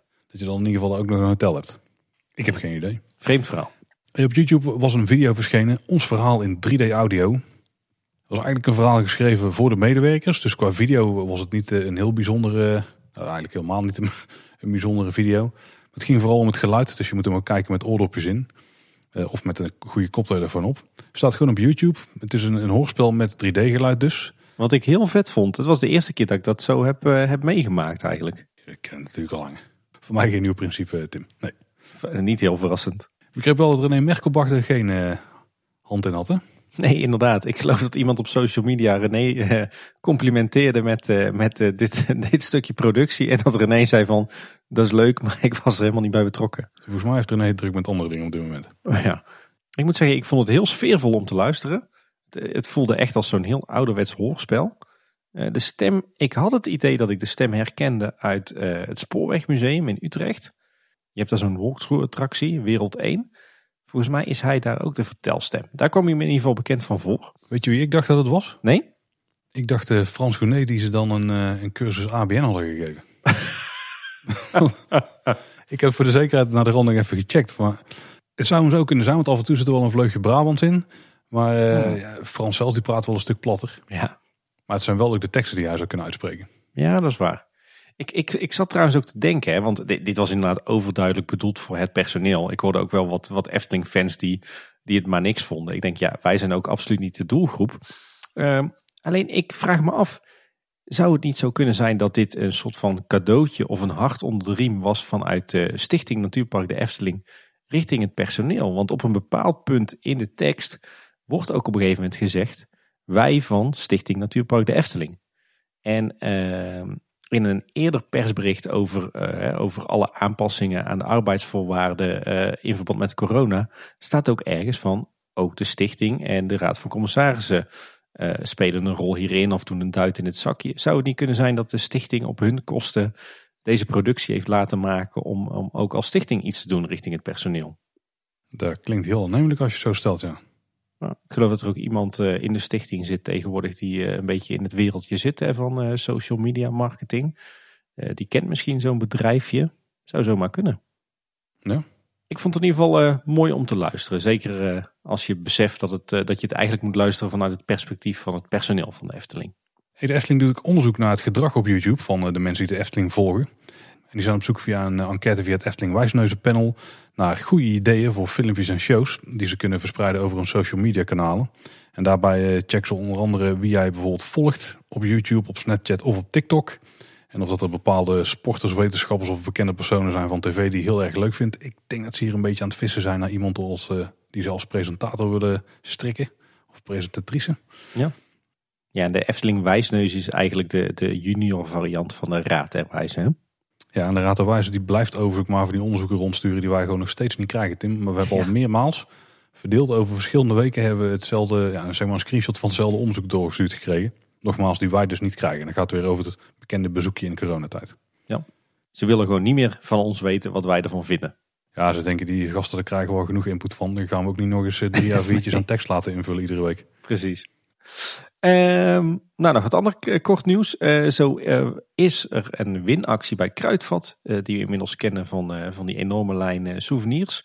waarbij je kans maakt op een Efteling jaarabonnement van twee personen. Dat is een aardige prijs. Ja. En de Efteling heeft ook twee awards gewonnen. Lovie Awards, Lovie Awards. Tim, ik heb geen idee hoe het uitspreken. Ik zou ook gaan voor Lovie Awards. Nou, in ieder geval de bronzen en de People's Choice Award voor de voice assistent in de vorm van een spiegel van de stiefmoeder. En die hangen volgens mij in Bosrijk nu. Ja. Daar heb jij volgens mij ook een beta-exemplaar van gezien, of een, een test-exemplaar. Klopt inderdaad, ja. Nou, dus die heeft nu al prijzen gewonnen, maar ik weet eigenlijk niet in, in welke vorm die al is uitgezet door het park heen. Want die zou in meerdere huisjes moeten komen hangen, toch? Maar is het in de praktijk al gebeurd? Nee, volgens mij niet. Volgens mij is dit, eh, hebben we daarna nooit meer iets van eh, dit concept vernomen. Dus vooral het concept heeft een prijs gewonnen. Ja. Dus toch gefeliciteerd. Ja, of misschien is het binnen Bosrijk uit, eh, uitgerold. Hè. Het is ook weer niet zo dat we iedere week in een Bosrijk huisje slapen. Helaas niet. Die, die Park World Excellence Awards zijn die wel waard? Ja, want de tweet was van Aardman, dus... Als we het toch over awards hebben, ook Firewall heeft een award gewonnen. In dit geval voor Best Dark Ride or Media Based Experience. En die kregen ze van de Park World Excellence Awards. En een kleine kanttekening, we hebben geen idee wat die waard zijn. Maar mocht het een mooie prijs zijn, dan eh, zeker gefeliciteerd Efteling. En Aardman natuurlijk. Ja, ja want werd, eh, werd getwitterd niet door de Efteling, maar door, eh, door Aardman. Ja, en wat ook eh, zeker niet onvermeld mag blijven, is het Twitter-account van Eftepedia. Sowieso volg die als je dat nog niet doet. En eh, check heel die site, lees die van voor naar achter door. Eh, maar die hadden ook een, een specifieke tweet geplaatst met een foto die ze hadden gekregen van, van een blad. Ik denk, ik denk een personeelsblad of zo. Ja, of gewoon een, een magazine, een technisch magazine of zo. Ja, ik weet het niet precies. Maar in ieder geval van een Fata Morgana een aanbouw. En daarbij heb je een grote foto van, ik denk de troonzaal. Ja, Of de, zaal van de Pasha. Eh, met wat eh, fotootjes erbij ingezet. Waar je dus gewoon opengewerkte animatronics ziet. Dus zonder kleding. En dan kun je heel tof kijken hoe dat een beetje in elkaar steekt. En er zit in het hoekje nog een, eh, mooie foto van Mari die aan het knutselen is aan een van die animatronics. Ja, echt goud, deze foto's. Ja, en 28 november jongsleden vierde Villa Pardoes alsnog. Want het was altijd wel groter gepland. Maar in dit geval digitaal haar 20ste verjaardag. In aanwezigheid van onder andere directeur Peter Persoon en onze burgemeester Hanne van Aert. En binnenkort Tim, Villa Pardoes gaan we het daar nog een keer over hebben. Ja, inderdaad. We kunnen nu onderhand wel teasen, want eh, de volgende aflevering na deze nieuwsaflevering, dan eh, brengen we een bezoekje aan eh, Villa Padus. Een bezoekje. Dus weer een klassieke kleine boodschap lengte aflevering worden. Ja, en je kan denk ik ook wel stellen dat het onze kerstaflevering wordt, hè? Dat mag je wel stellen, ja. Zo, dan zijn we door het kort nieuws heen, Tim. Maar er is nog iets meer te vertellen over, nou ja, laten we zeggen, de extended wereld van de Efteling. Uit de periferie. Er zijn nog dingen gebeurd rondom de wereld van de Efteling. Ja. Heb je, heb je als kind wel eens een speelkleed gehad, Paul? Of hebben jouw meiden een speelkleed? We hebben die thuis wel gehad, ja. Ja, ja, wij ook natuurlijk. Eh, we hebben nog een hele leuke liggen van Hema, maar dat terzijde. D- er zijn nu ook speelkleden te verkrijgen, eh, gethematiseerd naar een bepaalde stad. En zo is er nu ook een speciaal speelkleed van Tilburg. En wat is er nou het leuke aan? Op dat speelkleed heb je een hele hoek die eruit ziet als de Beekse Bergen. En een hoek die helemaal in het thema is van de Efteling. Dus ja, als je je kindjes wil laten spelen op een speelkleed met de Efteling daarop, dan is dat natuurlijk een buitenkansje. We zullen de link daarnaar eh, in onze show notes plaatsen. Ziet er heel leuk uit. Ja, en dan wat minder gunstig nieuws voor de Efteling en voor de omgeving hier. De Raad van State die heeft de aanvraag van Vermilion Energy om eh, langer, dus tot 2026, te kunnen boren naar gas door middel van fracking. Hebben ze toch goedgekeurd. Daar was, eh, was bezwaar tegen aangetekend, onder andere door de Efteling en ook de, de gemeentes hier in de buurt volgens mij. Ehm, maar er is volgens de Raad van State geen aanvullende meer nodig. Er wordt al sinds de jaren 50 gefrackt hier zonder problemen, ook op deze locatie. Dus daar eh, gaat in principe niks aan veranderen voor de komende 5, 6 jaar. Eh, jammer, denk ik. Ja, dat is wel mogen stoppen. ja, daar ben ik het eh, volmondig mee eens. Dan de F261. Eh, de kenners eh, en de vaste luisteraars die weten dat we het dan hebben over de fietssnelweg tussen Tilburg en Waalwijk. eh, die ook langs de Efteling loopt. Oh, geen vliegtuig. Nee, voorlopig nog niet in ieder geval. We berichten de vorige keer dat, dat ze zijn begonnen aan het, het traject tussen Tilburg Noord en nou ja, de Python zou je kunnen zeggen. dat ligt alweer een tijdje stil. En ik zag nu een vergunningsaanvraag voorbij komen voor het verleggen van een waterleiding en het verleggen van een, een watergang. Dus het lijkt erop alsof ze daar wat, wat kabels en leidingen tegengekomen zijn. En dat het, het werk daardoor even stil ligt. Maar er zit nu dus weer, weer schot in de zaak. En als we het dan toch hebben over wegwerkzaamheden. Ik denk dat best nog wel aardig wat van onze luisteraars die uit België komen. Naar de Efteling rijden dwars door Tilburg heen. Over de Ringbaan West. Is eigenlijk niet meer de bedoeling. Want je hoort eigenlijk om Tilburg heen te, rijden.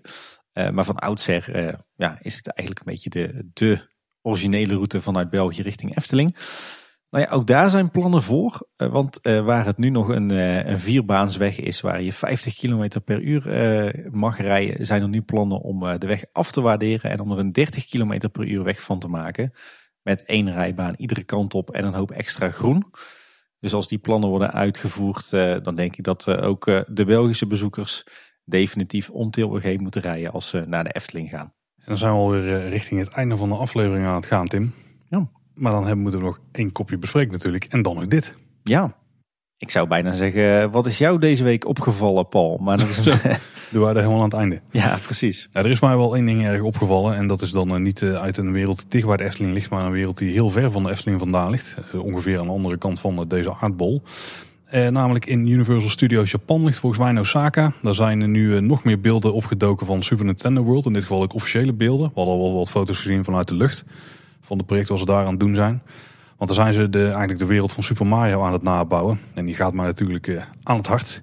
En ik had er van tevoren niet zo heel veel vertrouwen in dat project. Want ja, de, concept arts en zo, die deden toch denken aan een beetje zo'n plastic fantastic uh, wereld, weet je wel. Weinig realistisch, wat dan meestal mij niet echt aanspreekt. Met, met, wel met die typische Mario-stijl die we kennen uit de, computerspellen. maar wat ik nu dus uiteindelijk zie, is toch veel beter uitgevoerd dan dat ik had verwacht. Sowieso ziet het qua stijl bijna uit als de graphics uit de game. Je moet echt even drie keer kijken van, oh verrek, er zit gewoon een echte lucht boven. Eh, en er staan echte plantjes er in de plantenbakken. En dit is niet allemaal computer-generated graphics, zeg maar. Maar ook de manier waarop ze het dus hebben uitgewerkt, die matcht ook echt gewoon wat er in die game te zien is. Sommige manieren van schaduw en zo, die daar bijvoorbeeld vallen op de, de netbomen die er dan ook staan.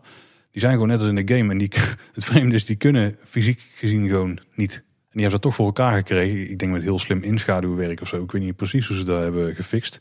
Eh, en wat ook heel tof is, dat alles in die omgeving die beweegt. Zie je natuurlijk niet op de foto's, maar daar hebben we wel een aantal video's gezien.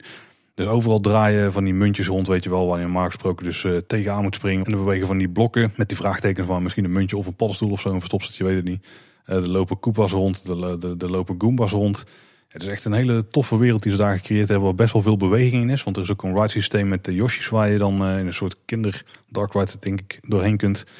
En uh, die, die rijden ook buiten rond op een paar plekken. En er is een enorm Mario Kart gebouw waarin je ja, waarin een Mario Kart attractie zit. Maar die details die laat ik verder over aan de Teamtalk en zo. Die zullen daar in de toekomst vast uitgebreid gaan bespreken. Maar het ziet er wel echt uit alsof je echt midden in een videogame rondloopt. En hebben ze toch beter gedaan dan dat ik van tevoren had verwacht dat dat had gekund. En dat is, dat is hetgene wat mij vooral verrast. Anders zal het niet eens hoeven aanhalen, denk ik. Want ik ben nog steeds heel benieuwd wat er gemaakt kan worden van een, uh, bijvoorbeeld een, een Zelda-achtige omgeving.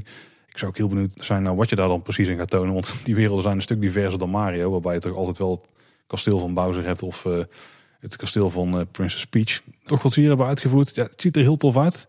Het buitengebied lijkt niet extreem groot. Maar als je toch een beetje kijkt naar, naar de verhoudingen en als je uh, die luchtfoto's kijkt en je, je spoort wel mensen op die daar in de omgeving aan het werk zijn, dan is het nog wel aardig. Maar je bent hier wel echt volledig omsloten door de wereld van Mario op een echt bijna wetten van de natuur kunnen overtredende omgeving.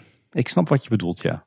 Ik moet zeggen, ik vind het ook erg indrukwekkend hoe ze het uh, technisch voor elkaar hebben gekregen om het er echt één op één zo uit te laten zien als op de impressies en in de game.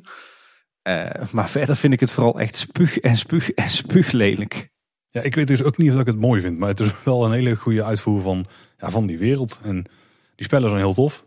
Nou, weet je wat het voor mij wel heel erg aantoont? Uh, dat is een beetje mijn bezwaar tegen die vloedgolf die we nu in heel veel parken zien van die uh, attracties die gebaseerd zijn op uh, bekende IP's.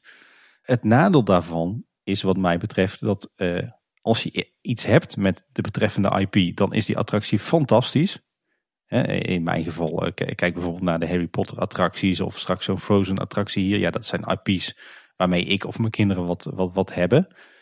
Maar heb je niks met zo'n IP, dan voel je gelijk ook een stuk minder enthousiasme bij zo'n nieuwe attractie. Ik bedoel, als ik kijk naar, naar, naar de plannen hier in Parijs bij Disney Studios, die al wel in Amerika zijn gerealiseerd, zo'n Star Wars land of zo'n Marvel gebied, ja, dat trekt mij dus totaal niet.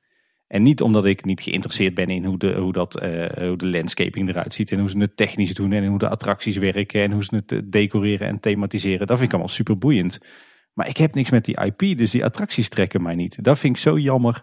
Al die IP-based attracties.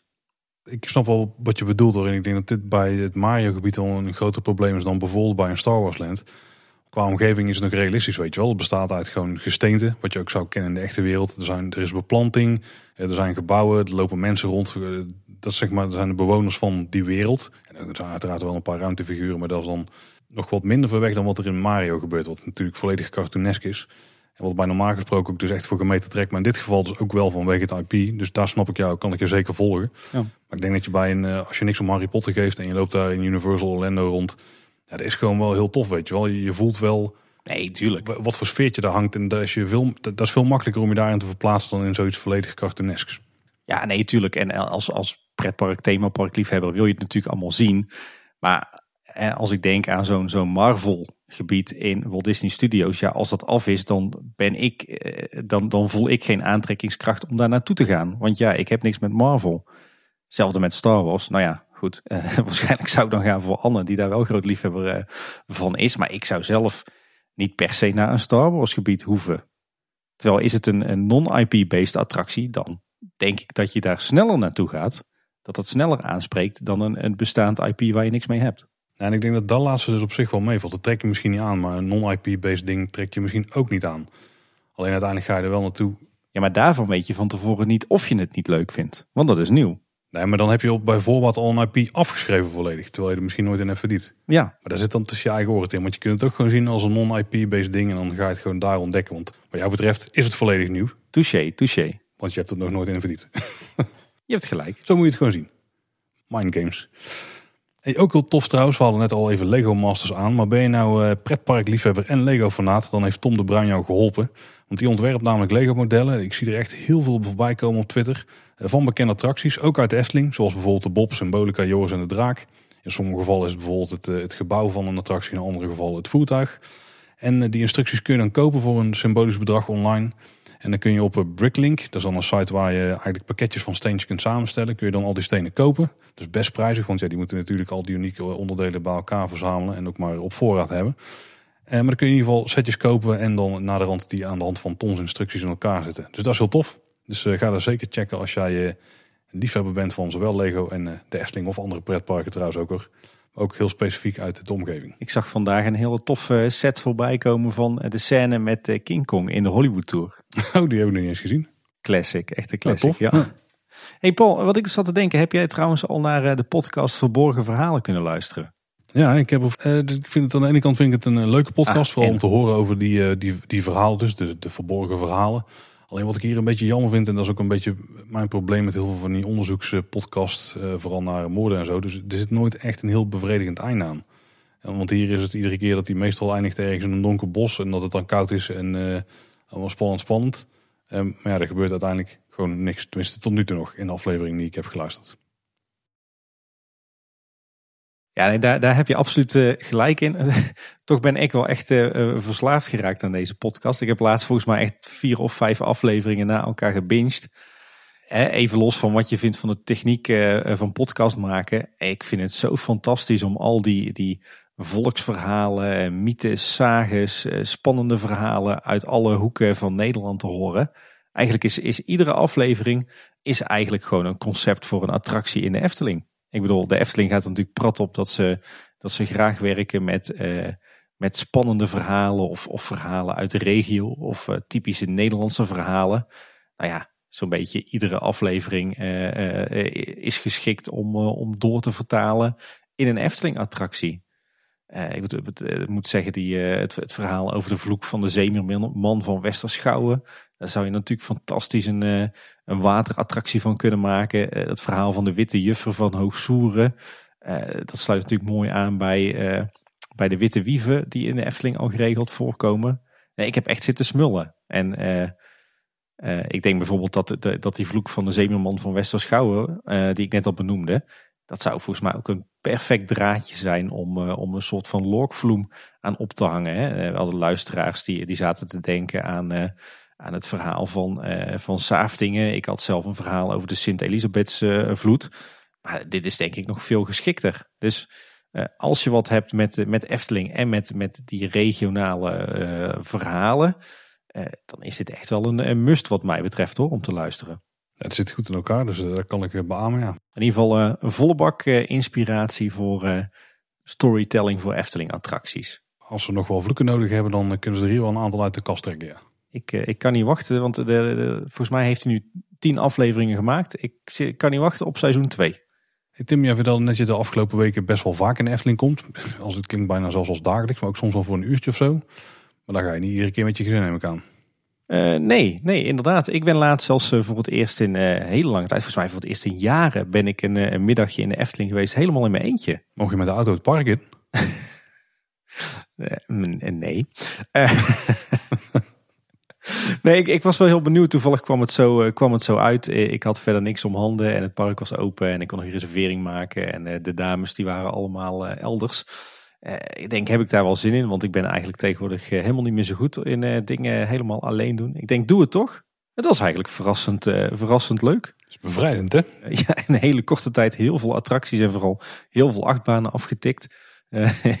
eten en drinken uitgeprobeerd. En, ja, en eigenlijk nog best wel van genoten, stiekem. Moe en voldaan thuisgekomen, kunnen we zeggen, denk ik. Absoluut, ja, absoluut. Maar Tim Kennen is niet alleen gebleven bij de Efteling. Nou ja, eigenlijk zijn we best wel braaf de laatste tijd. Of dat nou door corona komt of omdat we alles al gezien hebben dit jaar, weet ik niet. Maar nee, we zijn, we zijn nog een paar keer in Safari Park Beekse Bergen geweest. Natuurlijk ook een abonnement. Veel in de Efteling dus. Veel in de Loons en Drunense Duinen te vinden geweest. Uh, en komende zondag, of eigenlijk afgelopen zondag als je dit luistert, uh, gaan we naar uh, Wintertoverland. Dus daar kijk ik wel ontzettend naar uit. heel erg benieuwd hoe zij de winter hebben aangepakt. Ik kan me niet herinneren dat wij er al een keer eerder echt in, in het kerstseizoen zijn geweest. Dus mocht daar nog wat over te vertellen zijn, dan kom ik daar zeker nog op terug in de volgende aflevering. Ja, en verder willen we eigenlijk nog een keertje terug naar Burgers en een keertje naar Ouwans Dierenpark om de Panda Baby te bekijken. Ja, en het liefst zou ik natuurlijk weer echt lekker op reis willen. Maar goed, dat is even wachten op, op het vaccin. Ja, Tim, waar we het echt over moeten hebben, zijn jouw ervaring met Disney+. Plus. Ja. Daar smachten de luisteraars naar. is dat zo? We, we, zijn al maanden jou erop aan het wijzen van start er nou mee, start er nou mee. Nou, misschien nog wel een jaar zelfs. Je bent volgens mij precies een jaar na de lancering aangesloten. Kun je nagaan. Ja, nou, ergens wel mooi toch? Onze Belgische luisteraars die zijn trouwens uh, ongeveer altijd op hetzelfde niveau als jij geweest. ja. Die hebben helaas pas een paar maanden voor hun. Maar uh, niet al te lang over doorzeveren. Je bent inmiddels onboord. Ik ben onboord.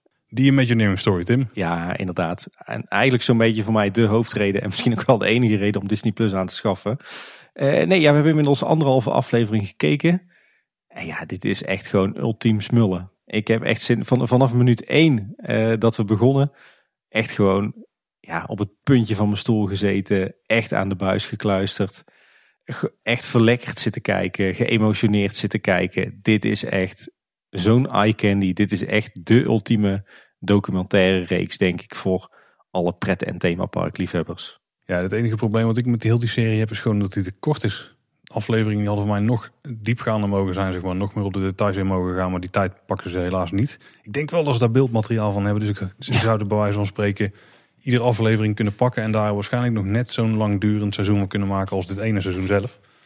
En dan zouden ze nog steeds eh, een heel interessante serie hebben, denk ik. Dus laat ze daar het vervolg maken. Absoluut. Maar je, je wordt er echt ingezogen, hè? Want uh, ik weet dat Anne van tevoren zei, ja, moet ik dat ook kijken? Waarschijnlijk val ik na vijf minuten in slaap. Nou, die heeft ook zitten stuiteren hier op de bank, hoor. En uh, aan het eind van aflevering 1 gaat Walt dood. Is dat een spoiler? Nou ja, dat weet iedereen wel dat er gebeurt. Maar niet per se dat het een aflevering 1 gebeurt in deze serie. Maar nou, de meeste mensen hebben het al een jaar geleden gezien, denk ik. Ja, je wordt echt zo in dat verhaal gezogen dat je gewoon een traantje wegpinkt op de bank, weet je wel. Dat uh, is toch typisch. Ik denk dan altijd van, hè, ik ben eh, vooral Efteling-liefhebber in hart en nieren. En ook wel pret- en themapark-liefhebber. Maar ja, wat heb ik nou eigenlijk met Disney? Nou, als je die, die Imagineering story uh, volgt en je wordt er zo door geboeid, dan denk je, oeh, hmm, misschien dat ik toch ook wel stiekem een hele grote Disney-liefhebber ben. Of misschien dat ik dat wel word door die serie. Ik denk dat je stiekem bent die durft toe te geven.